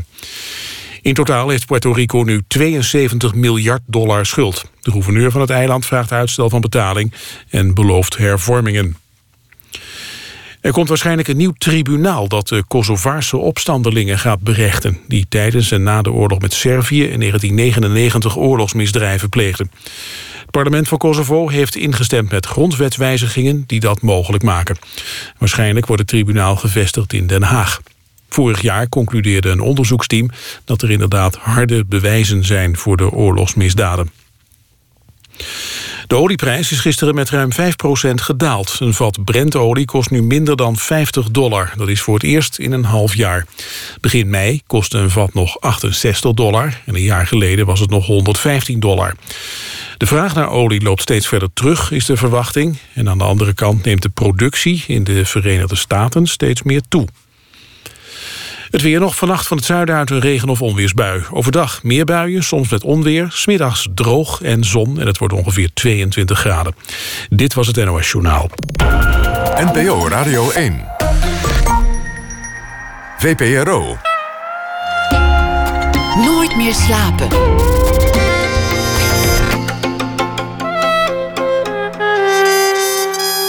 Met Pieter van der Wielen. U luistert naar Nooit meer slapen. Rutger Lem is eh, stand-up comedian, journalist en schrijver. Was oprichter en hoofdredacteur van online tijdschrift Hart Hoofd. Trad op bij de Comedy Train, schreef voor NRC Next... en werkte ook voor Dit Was Het Nieuws. Zijn eerste boek heet Een grootste mislukking... en verscheen eerder dit jaar. Deze week zal hij elke nacht een verhaal voor ons uh, maken... over de afgelopen dag en dat voordragen. Rutger, goeienacht. Goedenacht, Pieter. Vertel, wat uh, heeft je vandaag bezig gehouden? Uh, nou ja, uh, voor mij als freelance schrijver is de actualiteit zowel mijn grootste vriend als mijn grootste vijand altijd. Uh, want het is een onuitputtelijke bron van materiaal, maar aan de andere kant is het ook weer zo voorbij. dus ik was een beetje zenuwachtig over deze opdracht, maar gelukkig vond ik eigenlijk meteen, meteen al de beste kop van de dag. het was namelijk op volkshand.nl, dat was de volgende kop negatief zwemadvies voor kust om ongevaarlijke zeevonk. Ja, wat een, wat een, wat een getut om die zeevonk. Ja. Want als je dan Uh, ging zwemmen, dan kon je eventueel jeuk krijgen. En mocht je die jeuk hebben, dan moest je even onder de douche gaan staan... en dan was die jeuk weer weg. En, en voor die tijd moest je dan niet gaan zwemmen... want oh jee, je zou wel eens jeuk kunnen hebben... maar die jeuk was verder niet ernstig. Ja, precies. Nou, goh, je mocht een keer jeuk hebben in je leven. Mensen, mensen, wat erg. Ja, en toen las ik ook nog dat de mensen van de Rijkswaterstaat de hele nacht uh, eraan gewerkt hadden om erachter te komen wat het was. En dat vond ik ook al zo zielig. Van de, de, dan word je zondagnacht uh, uit je bed gelicht om uh, aan het strand in, in het schuim te gaan, gaan poeren. En toen zag ik ook nog dat de woordvoerder van Rijkswaterstaat in deze Louis Peperzak heet. Nou ja, toen dacht ik, dat is dat is helemaal compleet. Daar kan ik, daar kan ik genoeg mee. Jij kon aan de slag. Ik ben benieuwd wat het uh, heeft opgeleverd. Oké. Okay. Nel en ik stonden net op het punt om de deur uit te gaan om bij de Gay Pride te gaan kijken. Werd ik gebeld. De zaak. Niet opnemen nou hoor. Het is ons dagje uit, zei Nel nog. Maar ik drukte al op het groene telefoontje. Met Louis Peperzak, zei ik. En aan de andere kant van de lijn hoorde ik hem van Toon. Lou, we hebben een probleem. Ik gebaarde naar Nel dat ik heel even nodig had. Wat is er aan de hand? Er een dam opspringen, zei ik. Dit is een grapje dat we vaak op het werk maken. Er breekt namelijk nooit meer een dam meer door in Nederland. Nee, nee, Lou, zei Toon, zonder te lachen. Er ligt een rode gloed voor de kust. Ik dacht dat hij nu een grapje maakte. Bel je me op mijn vrije dag om te zeggen dat je vrouw ongesteld is? Sorry, Toon, maar dat is jouw probleem. Ik zie je morgen Nee, Lou, een echte rode gloed. Voor de kust van Scheveningen en Wassenaar. Niemand weet wat het is. De kustwacht definieert het als een bruine, uh, slijmerige roodbruine derry. Ik schudde mijn hoofd bij deze dubieuze wetenschappelijke kwalificatie... en moest onverhoopt toch weer aan ongesteldheid denken. De zee is ook de perfecte metafoor voor het vrouwelijke geslachtsorgaan. Het is de bron van al het leven... Het is een plek die je geborgenheid en ontspanning biedt. Maar tegelijkertijd is het een enorm en onbegrijpelijk gebied vol gevaar. Eén ding wist ik zeker, na 40 jaar biologische oceanografie. Wat je in de zee stopt, spoelt hoe dan ook weer aan. Ik wierp een schalkse blik naar Nel, die haar jas alweer uit had gedaan... en met een strakke kaak de krant aan het lezen was. Het werd nachtwerk. Monsters nemen, testjes draaien. Ik wist al lang wat het was. Bloeiende zeevonk. Gebeurt elk jaar. Waarom was er nu opeens paniek? Drie jaar geleden gebeurde er iets prachtigs met die dingen. Als de zeevonk hevig bewogen wordt, krijg je een lichtgevend blauwe gloed op het water. Ik ben toen s'nachts met Nel naar Zandvoort gereden om te kijken. Het had iets sensueels. Die naam alleen al, zeevonk. Klinkt als iets wat Prince bedacht zou kunnen hebben. Come on baby, let's make love in the water and create some sea funk. Maar nu was het dus rood. Ook mooi, vond ik. Maar in Nederland houden we niet van zwerfvuil. Ik wil soms tijdens etentjes kunnen vertellen over het machtige werk dat we bij Rijkswaterstaat doen. Dat we een soort leger zijn dat elke dag weer de zee verslaat. Maar preventieve heldendaden zijn niet zo indrukwekkend. En als er dan eens iets het nieuws haalt, dan is het iets zoals dit. Rode smurrie. Nel vertelde me ooit over een IJslandse kunstenaar... die een onschuldig goedje in rivieren bij Stockholm en Los Angeles gooide. Waardoor de stroom groen kleurde. De reacties hierop verschilden enorm. In Stockholm ontstond paniek. In Los Angeles keek niemand ervan op. Tegen de ochtend waren we er zeker van. Rode zeevonk.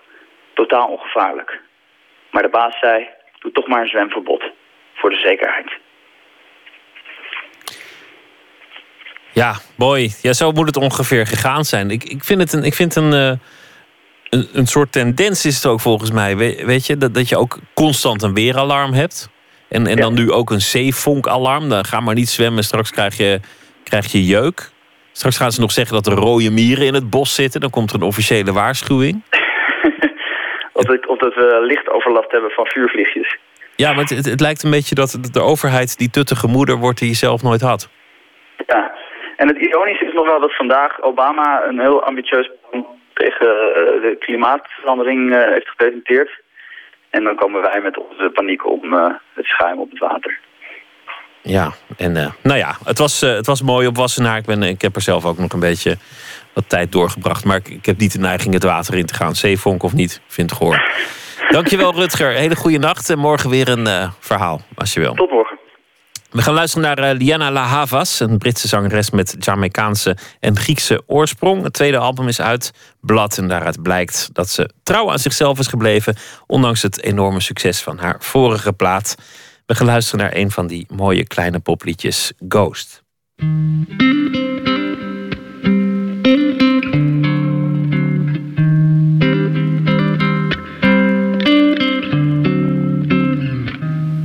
Whenever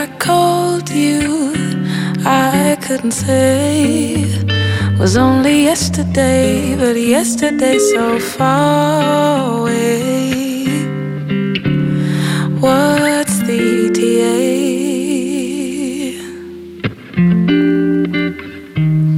Don't tell me you need me. I am estranged and I'm overaged. The trouble it may be. There's still a part of me that has to know what you have to say. On and on we go, always with the ghosts of us in tow. Stuck somewhere between a friend and foe. Round and round we go.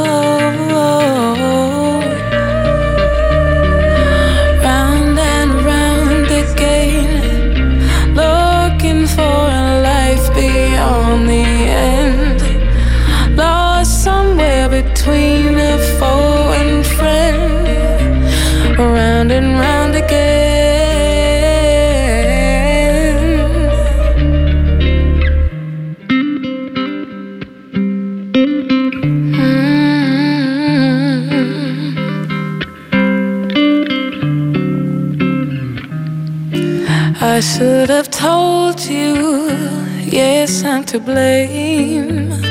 Oh, I took the blame, turned it into this serenade. Oh, the mess I've made. And I should have warned you what was in store. But I was so, so sure I wasn't haunted anymore. Not forevermore. On and on we go. Always with the ghosts of us in tow. Stuck somewhere between a friend and foe. Round and round we go.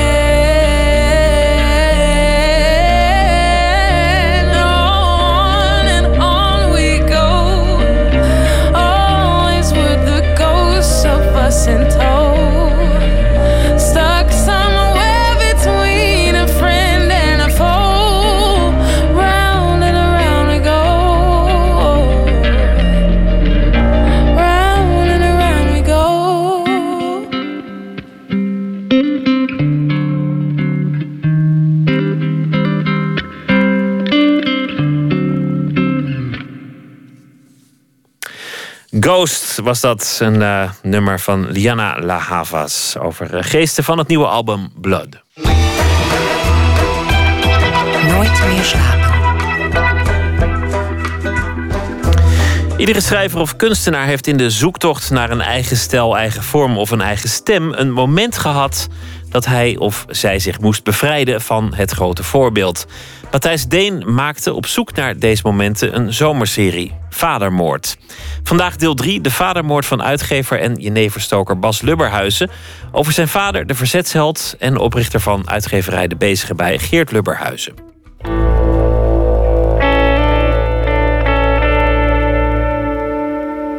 And all men kill the thing they love. By all let this be heard. Some do it with a bitter look, some with a flattering word. The coward does it with a kiss, the brave man with a sword.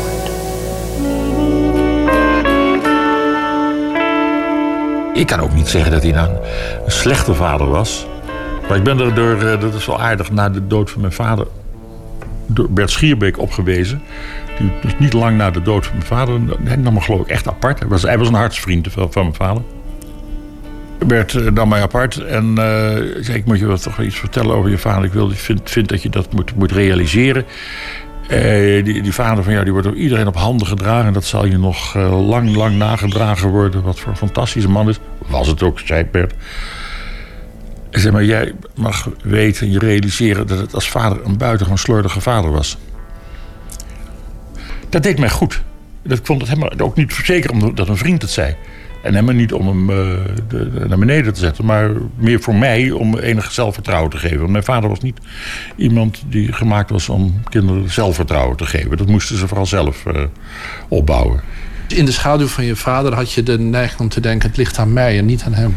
Ja, ik ben niet interessant genoeg. Ik ben niet boeiend genoeg. Ik ben niet. Ik, ik voldoen niet aan. eh, ja.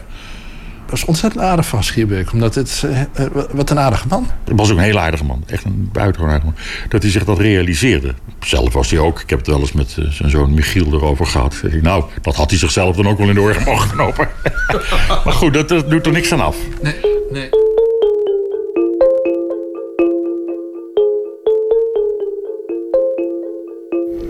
Er zijn maar enkele momenten dat hij zich als vader manifesteerde. En zelfs was het zo dat als die, die vriendjes met Kampert en met Schierbeek... en eh, die kwamen ook wel over de vloer... dat hij een beetje stoer gedrag ging vertonen... eh, alsof hij eigenlijk geen vader was. Dus hij eh, ging een beetje lullig doen tegen ons. Van, als je zakgeld vroeg, zakken leegmaken. En kijk maar, ik heb helemaal geen geld. Dan ben een jongetje van 12 jaar en met die oude mannen erbij. En een heel sterk voorbeeld wat me altijd bij is gebleven. Vooral later, als ik over na ben gaan denken, dat het eigenlijk buitengewoon lullig van hem was. Hij eh, zat in Bergen, Noord-Holland, in een, in een huisje. Want was, was weer eens gescheiden en met een nieuwe vrouw. En ik denk dat ik 15, 16 was. Dus, ja, puber, ook onzeker natuurlijk. En later gedacht dat het, vooral eens omdat Lucebert erbij was, ging je een beetje lullig doen dat ik een goed rapport had. Eh, leef, je, leef je van een spannend leven. En dan afzetten van jullie doen nooit iets. Eh om, ondernemers wat. Had mijn auto of zo. Maar als je, als je al nogal onzeker bent in, in, die, in die sfeer... nou ja, als puber ben je dat sowieso natuurlijk. Zeker met zo'n vader. Was het eigenlijk eh, heel lullig van hem. Dus met zijn eigen stoerigheid eh, daarmee benadrukken. Dat is een kwestie van vernederen in de aanwezigheid van de mensen bij wie je eigenlijk best in een goed plaatje had willen zijn. Omdat hij dan natuurlijk ook was. Ja, besef je pas later, maar op dat moment. Je hebt, je hebt weinig referentie, als uh, 15-jarige. Je hebt niet eh, zoveel vaders meegemaakt die het op een andere manier doen. Dus je moet het ermee doen. Altijd in de humorsfeer. Dus dat zou ik niet wel. Eh, Ruzies eh, zou ik niet weten. Hij verbood eigenlijk ook nooit iets. Dat heeft hij geloof ik later ook wel eens gezegd. Dat hij op zijn achttiende pas te horen kreeg dat zijn moeder zijn moeder niet was. Want bij de geboorte was zijn moeder overleden. Zijn vader hertrouwde direct daarna. Maar dat, dat is raar. Als je op je achttiende hoort, ja, wie spreekt de waarheid? En wie, eh, als je moeder, als je moeder niet is, ja, wat is het dan nog waar? Nou, en dan nog, eh, dan nog die oorlog eroverheen, met, eh, waar hij eigenlijk ook nooit over sprak. Dus ik er wel eens naar vroeg, achter die, ja, we, we deden maar wat. Of we, we deden wat we vonden dat nodig was. En verder zonder enig eh, heldendom of eh, dappere daden. Maar Hij komt uit een jeugd waarin er achteraf een groot geheim bleek te zijn. Waardoor hij een vertrouwensbreuk kreeg tussen hem en de werkelijkheid. Daarna kwam die oorlog waarin die vertrouwensbreuk opeens een kwaliteit voor hem werd. Omdat de omgeving opeens eh, gevaarlijk werd. Ja, dat is een aardige gedachte. Dat kon hij goed gebruiken. Die, dat wantrouwen.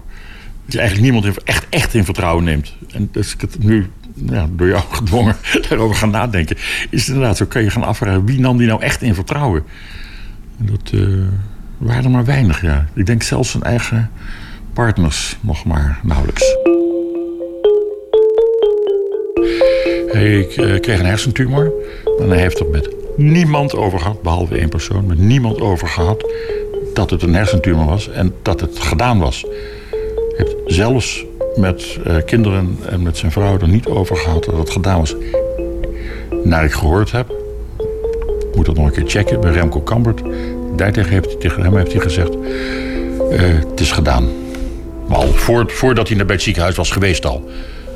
Het is gedaan, het is, het is eh, fataal.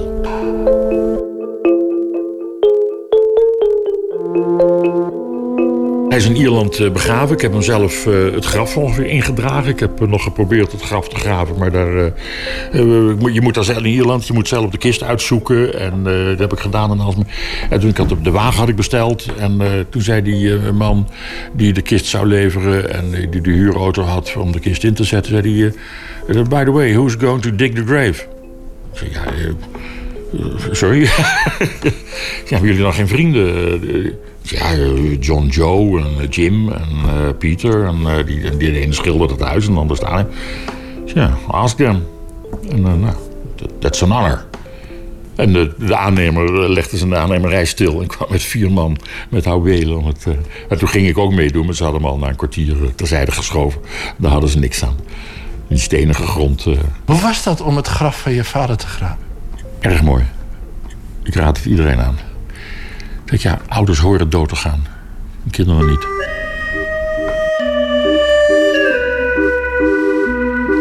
Nee, ik kwam uit Ierland terug en toen zei een van de barkeepers hier, eh, ook goede vriend, je maakt een opgeluchte indruk. Ik schrok me te pletter. Maar hij had het goed gezien. Ik was ook heel verdrietig. Ik zat vol met, eh ja, maar ik had nog wat meegemaakt daar in Ierland. Dat je je vader daar gaat begraven. Maar dat ik, eh, dat hij bespeurde bij mij enige opluchting. Ik voelde me betrapt. Ik ben mijn eigen uitgeverij begonnen. Ik, hou ervan eh, om als je, als je een, een zaak begint, om als je geen andere naam hebt, je eigen naam eraan te geven. Dat vind ik een, Dat had ik ook eigenlijk wel in mijn hoofd. Ook met die, maar dat je uitgever Lubberhuizen, dat is natuurlijk dat is het laatste wat je kan doen met zo'n. Dat was, ja, dat is mijn vader.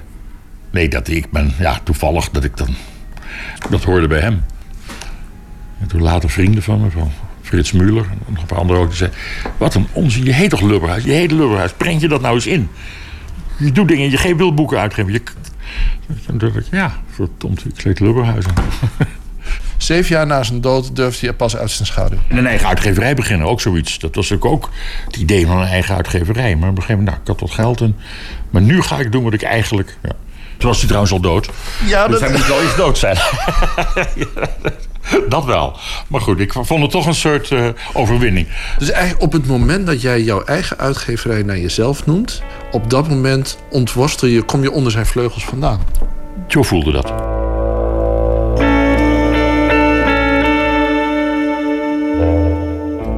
Ik denk dat mijn vader in, op zijn meest eigen manier van uitgeven... toen hij nog het minst onder invloed stond van adviseurs en zo... denk ik dat die juist heel erg op elkaar leken.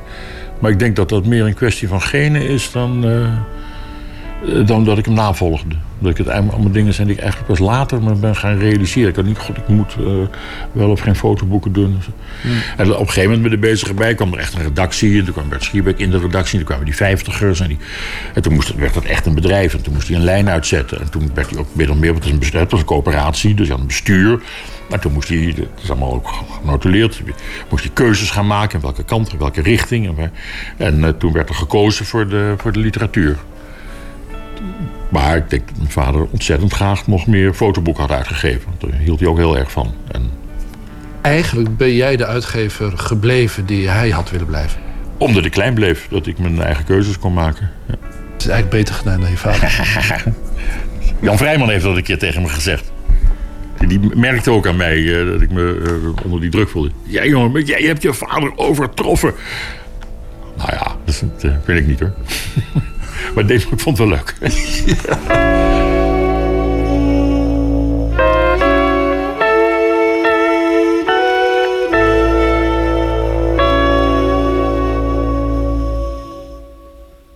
Deel 3 van de serie Vadermoord. Bas Lubberhuizen over zijn vader Geert Lubberhuizen. Een bijdrage van Matthijs Deen. De nieuwe plaat van de Amerikaanse band Wilco heet Star Wars. En van het album dat gratis op het internet is eh, gezet, draaien we Magnetized. Orchestrate the shallow pink refrigerator drum. Carry in the shadows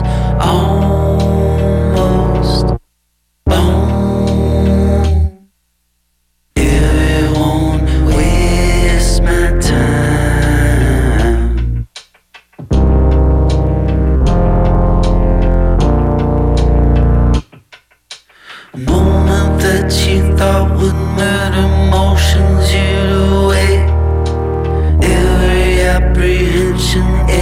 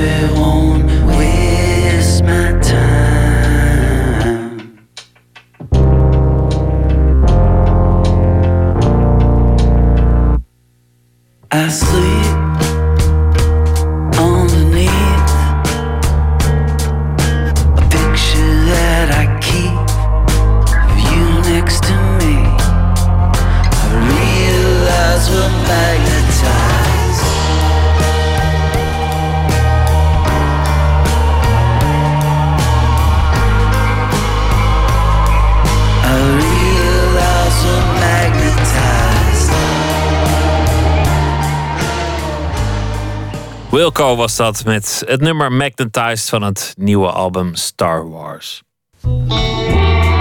Nooit meer slapen. Dorst, het uh, audiovisuele laboratorium van de VPRO, presenteert heden de Thuiszorgman. Documentairemaker Michiel Narings, die klust bij als thuiszorger. Maarten Westerveen is onze nachtcorrespondent. Goedenacht, Maarten. Goedenacht daar. De ja, thuiszorgman. Miguel. Ja, wat is het? Miguel trouwens. Oké. Okay. Het is een curieuze combinatie van een bijzonder Nederlandse en een hele Spaanse naam. Goed bebaarde man, uh, aardige man, een documentairemaker, maar... Uh, dat verdient niet zoveel meer tegenwoordig. Dus er moest bijgewerkt worden. En een jaar geleden begon hij bij de thuiszorg. Een half miljoen mensen hebben die mensen nodig. Dus uh, hij werkte daar. En ik heb zelf ook jaren in de thuiszorg gewerkt. Ja, dan, dan struikel je vanzelf over de verhalen. En uh, daar is nu dus een serie over. De thuiszorgman. Drie van zijn klanten worden gevolgd. En uh, nou, we beginnen deze week met Fietje. Je man is 25 jaar geleden overleden. Heb je niet zoiets van, nou, misschien nog een andere leuke man voor die laatste jaren? Oh nee, ik schil nou mijn eigen aardappel en ik schil nou mijn eigen, maak mijn eigen groente en ik eet lekker. Nee, ik zou niet meer opnieuw willen beginnen. Nee? nee. Nou, ik kon me dat zo voorstellen dat je ja, een leuke kerel nog gewoon om samen, samen te zijn. Uh, seks is er niet meer bij. Dat nee, doen we seks, niet meer. daar stoppen we mee. Dat hoeft ook niet, maar ik bedoel... Gewoon wil ik het ook niet. Nee? Nee. Miguel is dus eh, thuiszorger en documentairemaker en combineert die twee dingen. Portretten van uh, mensen die hij verzorgt. Maar wat wil hij laten zien? Uh, nou ja, je fietsje is hoogbejaard in de 90. Uh, dat zijn ze lang niet allemaal. Er zitten uh, ook mensen van in de 40 tussen. Ik, ben nog wel, ik heb het zelf ook gedaan. Je, komt eigenlijk iedereen tegen. mensen die gewoon hulp nodig hebben. Het is altijd heel raar om bij iemand van je eigen leeftijd binnen te stappen en die dan te moeten helpen. Ehm, en er is ook altijd een rare verhouding. Want ja, die mensen hebben vaak ook nee, je zoekt de mensen daarbuiten ook niet op. Dus voor Miguel was het ook moeilijk om de juiste toon te vinden. Maar hij is uiteindelijk toch ergens op, op uitgekomen. We hebben een documentaire gemaakt, uh, een portret over uh, Rogier. Dat is dan een 40-jarige man die uh, heeft een herseninfarct gehad. En die is verlamd aan één kant. maar die, ja, die, dat, dat was echt een stoere jongen, weet je wel. Die, die, die, was, eh, die werkte in de kroeg, zat bij de commando's, deed van alles. Nu is zijn leven zo anders geworden. Die kon zijn ziekte niet accepteren. En dus eigenlijk ook niet gewoon dat wij dit moesten gaan doen. Dat wij hem moesten gaan helpen bijvoorbeeld. Dat, dat is heel lastig voor dat soort mensen. Omdat zo, als je dat je hele leven hebt gedaan en nu heb je mensen nodig die je moeten gaan helpen. Uh, in de huishouding. Ja, dat, dat, ja, dat is verschrikkelijk natuurlijk dat je afhankelijk bent van iemand anders. Die misschien wel jonger zelfs is of ja, ouder. Het is, dat zag ik ook echt bij hem, dat hij daar zo erg mee aan het worstelen was. En uh, ja, hij laat dat nu steeds gelukkig meer los. Al dus uh, Miguel over uh, de moeilijkheden van de thuiszorger. Maar, maar waar gaat uiteindelijk die documentaire serie over? Over de bewoners of over het métier van thuiszorger? Nou, gelukkig niet over dat laatste. Uh, want dat. Uh, ja, misschien is dat minder interessant. Nee, het gaat echt over die klanten en hoe dat is om verzorgd te worden. En om in dus een positie te komen dat je van andere mensen afhankelijk bent. Uh, en het, het grappige is ook, dan krijg je vaak een enorme hoeveelheid vertrouwen. Ik, als ik het eigen verhaal zo erbij kan halen. Uh, ik heb het meegemaakt, mensen die Hiroshima hebben meegemaakt. Uh, boerenknechten die mee verhuisden met de boerin van dienst. Terwijl ze een affaire bleven, bleven houden. Uh, terwijl er twee huwelijken met die vrouw werden gevoerd. Dus die, je komt de meest bizarre verhalen tegen terwijl je daar zit. Um, en je hoort het maar aan. En groot gelijk dat je daar eens een keertje iets van maakt. Um, maar het is ongelooflijk gevoelig. Want ja, je, exploiteert die mensen natuurlijk op een bepaald niveau ook. En daar was Miguel zich ook erg van bewust. We gaan geen man bij het hond maken. Um, want dat vind ik meestal een beetje uitlacht-tv. Het is trouwens fantastisch gemaakt, maar ik vind het iets te makkelijk. Ik vind soms dat ze iets te makkelijk naar de buitenbeentjes gaan. En die hebben niet helemaal door dat ze een beetje, een beetje gekkig zijn. En dat vinden wij als kijker hartstikke leuk. Maar eigenlijk wordt rapper Source wordt totaal belachelijk gemaakt. En dan doen we wel allemaal alsof het heel leuk voor hem is dat hij nu heel veel media-aandacht krijgt. Maar hij wordt eigenlijk een beetje belachelijk gemaakt. En die figuren, die zou ik ook makkelijk in beeld kunnen brengen. Want die heb ik ook. Ik heb ook verwarde cliënten. En dan kom je binnen in een huis en dan denk je... mijn god, ik ben gewoon op een filmset. Dit kan gewoon niet. Het is smerig. Het is, ja, je denkt echt dat je in een soort van horrorfilm bent aangekomen. Het is interessant dat tv had dat kunnen opleveren. Maar dat wil ik helemaal niet. Want je moet die mensen ook in bescherming nemen. Maar is het niet vragen om eh, problemen, Maarten, om die twee dingen te combineren? Je eigen thuiszorgcliënten gebruiken in de documentaire die je dan weer maakt in een handroendadigheid als documentairemaker. Ik zou zeggen, dit, Eh, dit is vragen om glazer. Ja, dat, ehm, en dat is het ook eigenlijk. Ehm, Miguel zelf benadrukt dat dit niet zijn vaste klanten zijn. Dit zijn mensen die hij af en toe tegenkomt in zijn werk, eh, maar niet geregeld spreekt. Maar het is Maar ook toch, zo, het is een eh, vermenging van twee professies. Ja, ehm, en het rare is natuurlijk, het- nou ja, ik weet niet, heb jij wel, ben je wel eens in situaties terechtgekomen waar je ja, met zo'n vraag ook met zo'n vraag werd geconfronteerd? Dat er eigenlijk het ene wat je deed, de, de bron van iets geweldigs voor iets anders zou kunnen zijn? Nee, ik heb dat ook altijd netjes vermeden, moet ik je bekennen. Jij vindt het, eh, jij vindt het, eh, jij vindt het gevaarlijk terrein? Nou ja, eerlijk gezegd wel. Ik vind het lastig. Ik bedoel, als je daar de ene week komt als thuiszorger... de andere week een documentaire maakt... en ook iemand moet overreden om mee te werken aan je documentaire... terwijl je daar normaal komt als thuiszorger... en zo het vertrouwen hebt gewonnen... en dan ook iets moet maken wat objectief is... en vervolgens daar terug moet komen om, om het huis eh, schoon te maken... En, en sokken aan te trekken. Dat lijkt mij heel lastig. Ja, nou, weet je, dat is het ook. Ehm, eh, nogmaals, daarom zijn het geen vaste klanten. Dat, dat benadrukt hij ook, want dan zou dat inderdaad nog te veel voor dan zou dat echt een, een bezwaar worden. Ehm, en hij voelt zich er ook schuldig over. Het is verschrikkelijk. Documentaire maken is verschrikkelijk. Het is helemaal niet leuk. Ja, het is... Het, het kan ook fantastisch zijn, maar je moet altijd weer iets halen. En, en, en altijd weer dat moment ook weer... Ja, straks moet je het weer laten zien aan ze ook. En ja, dat, Mooi. dat, dat hele proces, ik vind het eigenlijk echt verschrikkelijk gewoon. Maar als het eenmaal goed gelukt is, dan is het ook fantastisch. Maar ja, ik, eh, ja, ik vind het best wel moeilijk soms. Al dus de worstelingen van eh, Miguel met het vak van eh, documentairemaker. De thuiszorgman, mijn interesse heb je vast gewekt. Ik ben benieuwd hoe hij dat eh, er vanaf brengt... en of het inderdaad eh, zo'n verschrikkelijke worsteling is als het eh, op papier lijkt. Maarten, dankjewel. Goeienacht. Graag gedaan. De thuiszorgman, gemaakt door Miguel Narings en Kim Brands... vanaf heden te zien op Drielab en op het YouTube-kanaal van de VPRO. De Britse zangeres Starling begon ooit met eh, liedjes van anderen, Joni Mitchell en Bill Withers. Langzaamaan vindt ze steeds meer haar eigen stijl. Ze heeft een tweede single uit, een nummer dat ze schreef in een vlaag van zelfhaat. Niet erg vrolijk, wel mooi. I'm a misfit.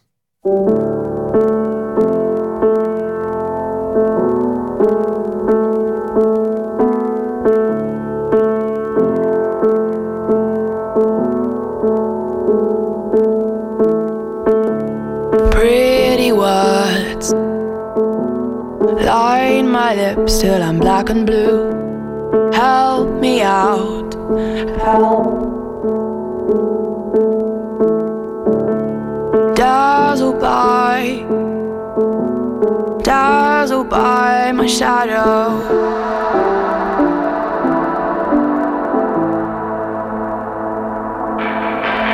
You can tell the boys I don't wanna play. Agitated heart go the other way. I had it in my mind that I'd have to stay, but I don't wanna stay. I don't wanna stay. Dress me up again, these are plasticine. What's the job? I don't know. I just daydream. Irish shoot me down, but I handle it. I'm a misfit.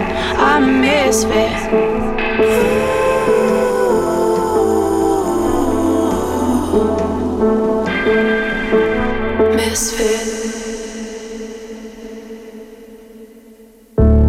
Drama builds like a castle made on sand. Watch it crash, crash down, but I'll still stand. Dazzled by, dazzled by my shadow.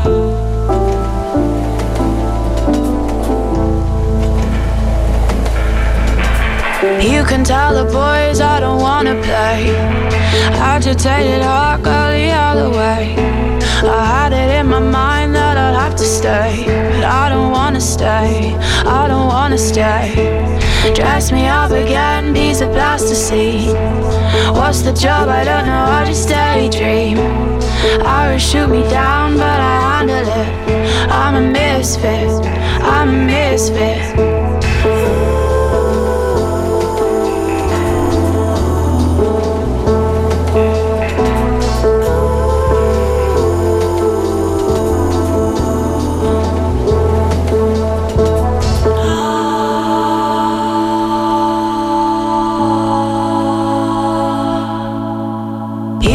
The boys I don't wanna play. Agitated heart, go the other way. I had it in my mind that I'd have to stay, but I don't wanna stay. I don't wanna stay. Dress me up again, piece of plasticine. What's the job? I don't know. I just daydream. Irish shoot me down, but I handle it. I'm a misfit. I'm a. Misfit.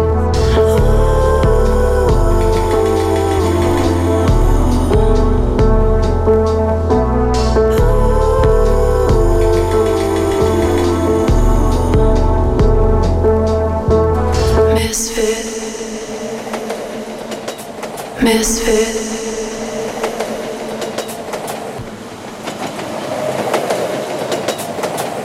De Engelse zangeres Starling, I'm a Misfit. Nooit meer slapen. Radioserie Toendra, korte documentaires van de makers van het ooit bekroonde programma Plots. 30 afleveringen bevolgen steeds verschillende mensen in de meest pijnlijke, bijzondere en bizarre periodes uit hun leven. Vanaf vandaag ook te horen in Nooit meer slapen. De verhalen klinken vaak als ontspoorde sprookjes of tragicomische films, maar niks is verzonnen of gespeeld. Aflevering 1, een lastige figuur gemaakt door Jair Stijn. Hier is Toendra.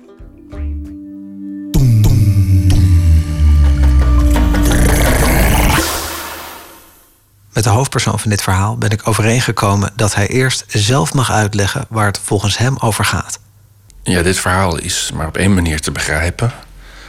En dat is dat het gaat over een lastige, ingewikkelde figuur... die door middel van strijd erachter probeert te komen wie hij is.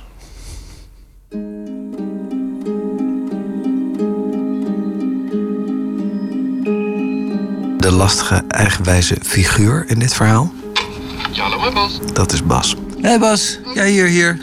Het is een van mijn beste vrienden. Oké. Toen ik 17 was, reisden we samen door Europa. En ik weet nog toen hij zijn eerste date had met een meisje uit de klas. Ik was erbij toen ze trouwden, jaren later. En afgelopen jaar was Bas weer getuige op mijn eigen huwelijk. Maar nu woont Bas weer alleen. En sinds de verhuizing ben ik nog niet bij hem thuis geweest. Hey, Tot vandaag. ben je nooit geweest? Nee? Maar, Nu wel. Ja, precies, nu wel. Dit is de woonkamer. Ja, dit is de woonkamer. Er is geen, er is geen vloer. Nee.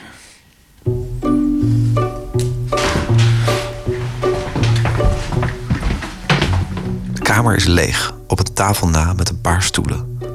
Tegels voor een ondervloer liggen opgestapeld in een hoek. Het ziet eruit alsof Bas er net is ingetrokken. Maar nee. Ja, ik woon hier dus al vier jaar. Twee jaar heb ik eigenlijk niks aan willen doen, omdat ik niet tevreden was dat ik hier ging wonen. Dat had te maken dat ik gescheiden was. Dat wilde ik niet. En daar was ik nogal koppig in. Als je je huis opknapt, dan, dan heb je natuurlijk al een zekere acceptatie gevonden dat je hier woont. En dat deed ik dus daarom niet. Dat is de reden dat ik hier nog niet geweest ben. Is dat je er vier ik heb jaar... overigens bedacht wie je beter kan interviewen dan hij. Bas en ik hadden afgesproken dat ik langs mocht komen met mijn opnameapparatuur. Maar ineens begint hij over een hele reeks mensen die ik beter zou kunnen interviewen dan hem. Ik probeer hem ervan te overtuigen dat ik toch echt bij hem wil zijn. Maar dan? Dan zegt hij niks meer. Wat denk je? Eh, er komen geen gedachten. Mijn oog valt op een sticker die Bas schijnbaar gedachteloos kale muur heeft geplakt. Er staat op: voorzichtig, breekbaar.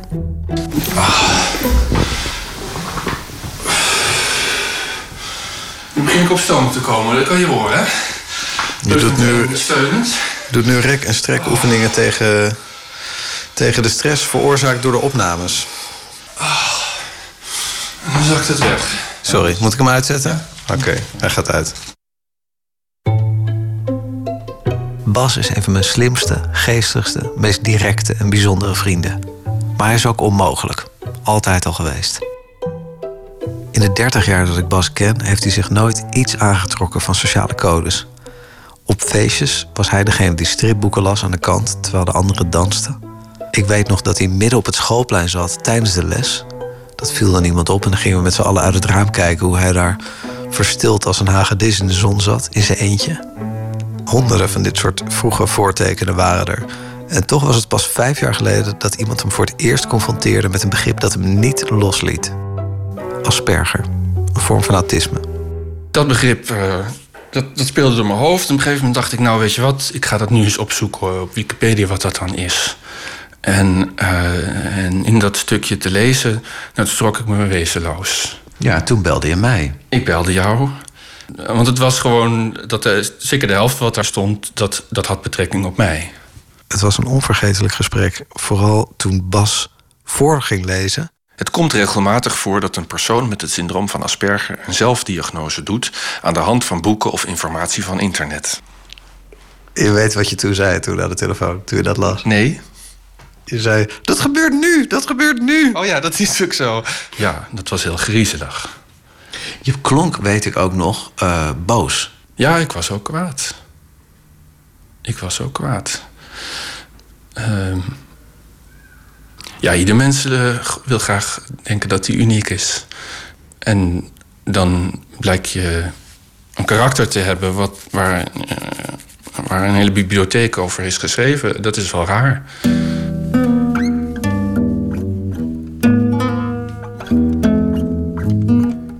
De maanden die volgen bestelt Bas een hele reeks boeken over autisme. Nou, daar, ben, daar raakte ik helemaal van in de war. Daar raakte ik helemaal van in de war. Hij dacht... Oké, die boeken gaan over mij dan. Eh, eh, hoe moet ik het dan doen? Maar dat las ik er niet in. Het is trouwens ook een hele autistische gedachte om te denken... dat het leven valt te begrijpen, eh, valt te vatten in een gebruiksaanwijzing. Hè? Eh, lees de bijsluiter en eh, je komt er wel uit. Zo is het natuurlijk helemaal niet.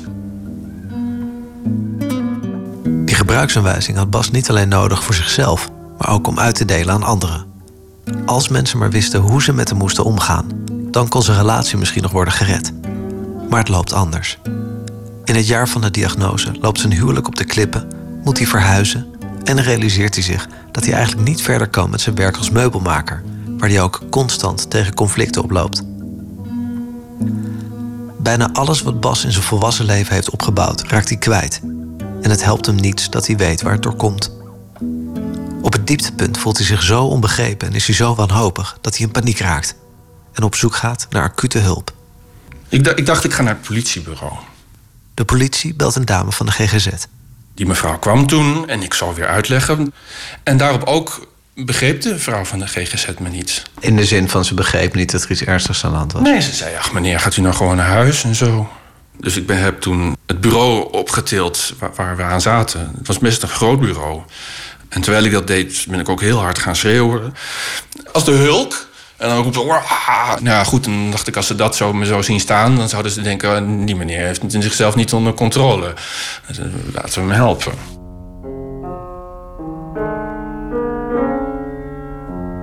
Na enkele maanden komt er een officiële diagnose en kan Bas verder met de eerste stap in zijn nieuwe leven: het vinden van passend werk. Ik heb Bas overgenomen van een collega van mij. Die kreeg eigenlijk ruzie met Bas. En omdat ik veel met Aspergers werk, werd ik ingevlogen om met Bas aan de slag te gaan. Via het UWV wordt Bas gekoppeld aan jobcoach Geraldine Groot. Ze is gespecialiseerd in het werken met mensen met autisme. Maar Bas blijkt een geval apart. Zo weigert hij het zogenaamde reïntegratieplan te tekenen, wat eigenlijk een formaliteit zou moeten zijn. En uiteindelijk is besloten eh, dat Bas het zelf ging schrijven. En dat was ook voor het eerst dat ik dat meemaakte. Dat de cliënt zei: geef maar hier, ik ga het zelf doen. Zijn eerste onbetaalde stage is bij het personeelsarchief van de Vrije Universiteit. Al snel merkt hij dat het werk beter en efficiënter zou kunnen. Ik houd van dingen precies en nauwgezet te doen. En als dat niet kan, voel ik veel onvrede. Maar zijn leidinggevende laat zich niet overtuigen. En wat misschien ook niet echt helpt, is Bas' zijn houding. Ik had eigenlijk ook al bedacht dat ik hem een flapdrol vond. En dus schrijft Bas ongevraagd een verslag met analyses en aanbevelingen dat hij doorstuurt aan de directie. Met veel plezier werk ik op het personeelsarchief. Daarbij viel het een en ander op dat met een steekproef is geverifieerd. Dat voorkomt dat mappen worden overgeslagen die op een andere afdeling liggen. Dat dubbel werk wordt gedaan. Hij schreef mij wel later een mail dat hij, en dat heb ik ook nog opgeschreven. ehm, op mijn tweede werkdag wist ik reeds alles. Dat te communiceren is een ander verhaal. Ik hoop jullie hiermee van dienst te zijn geweest. Met vriendelijke groet, Bas. De tweede onbetaalde stage is bij een technisch tekenbureau. Zijn chef vraagt hem te kijken in de boekhouding, waar volgens hem dingen niet kloppen. En hoewel zijn nieuwe collega's hem waarschuwen dat er echt niks te vinden valt, denkt Bas. Ik dacht, we zullen wel zien.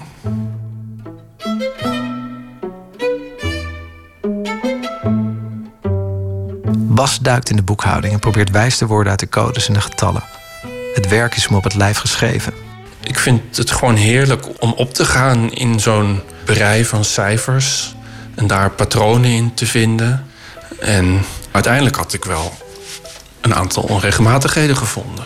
Opnieuw schrijft Bas een verslag, waar zijn chef uitermate tevreden mee is. En hij zei maar, Bas, met deze papieren heb je me nu laten zien dat ik een punt heb. Dat het inderdaad dingen in de boekhouding niet zijn zoals ze moeten zijn.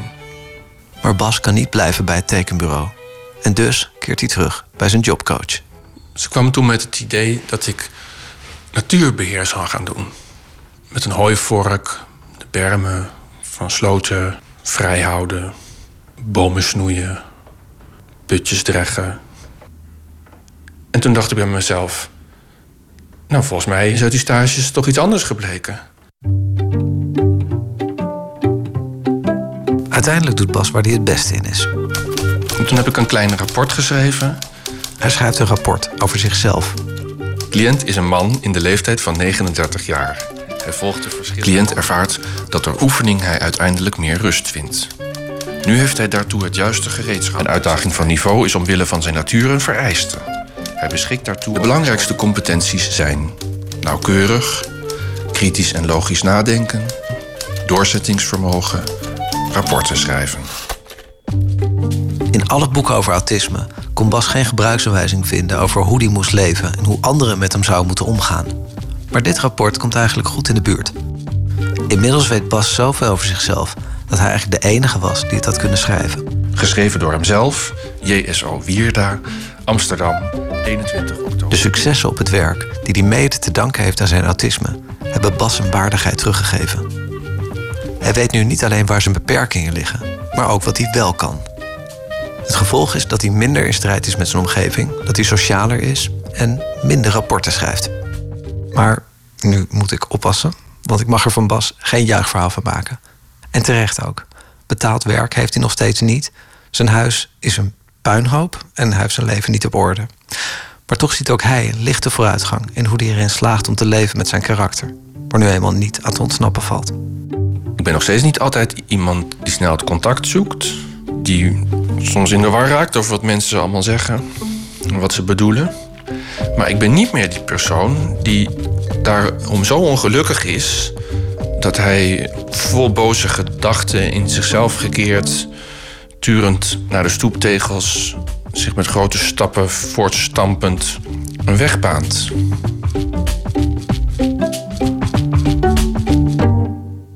Een lastige figuur gemaakt door Jair Stijn, eindredactie Katinka Beer, techniek Alfred Koster, Toendra, mede mogelijk gemaakt door het Mediafonds, eerder uitgezonden op NPO Radio 1 in het programma Radio Doc.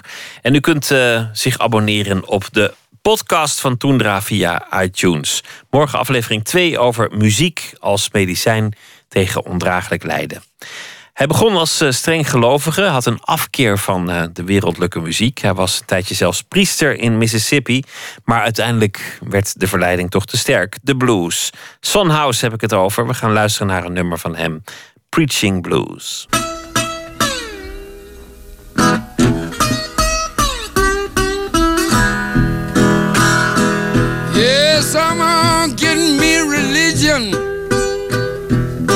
gonna join the Baptist Church. Yes, I'm gonna get me religion. I say I'm gonna join the Baptist Church.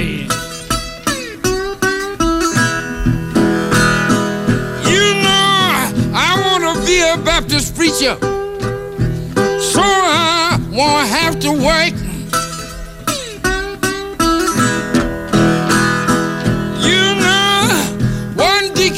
stump. And he began to grin.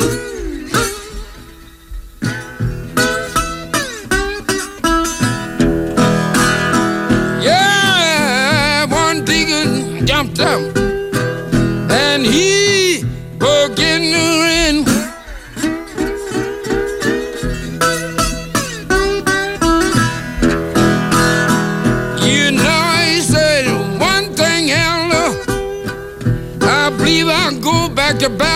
again.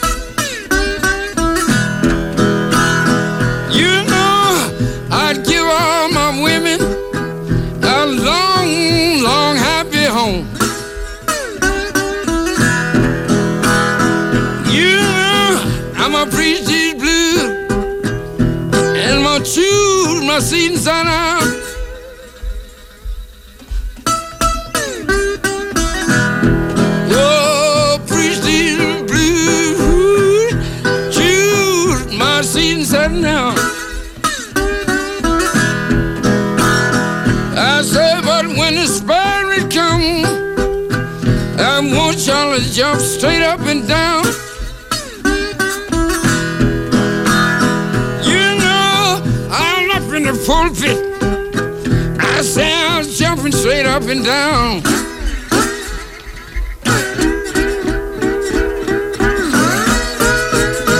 You know, I was in the pulpit.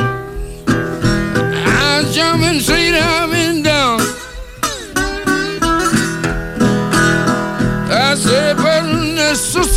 the corner, they're hollering Alabama bound.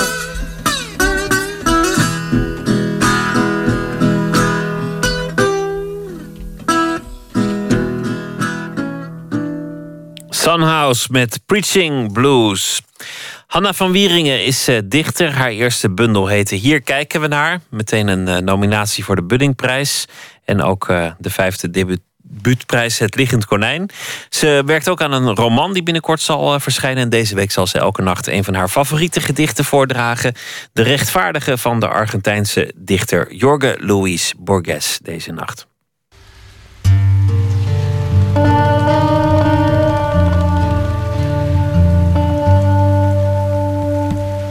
Het volgende gedicht dat ik wilde lezen is van Jorge Borges. En het komt uit het geweldige Alle Gedichten.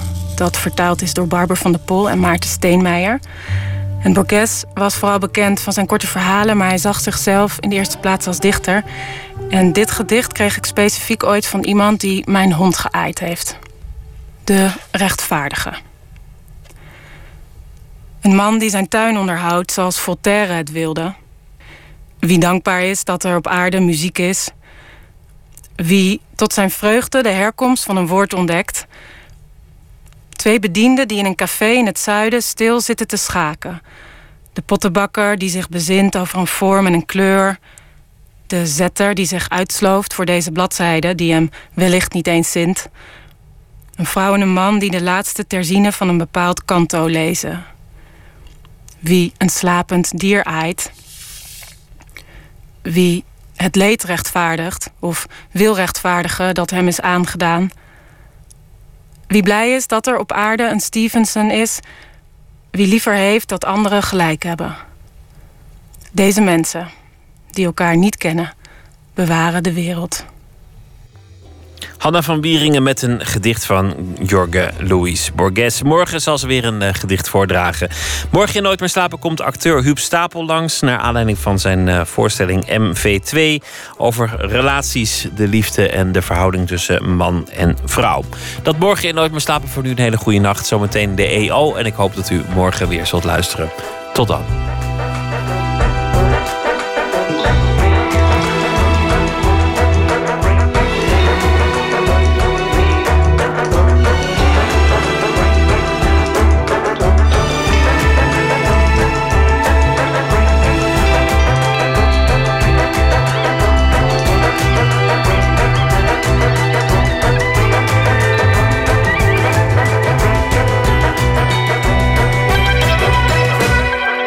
Radio 1.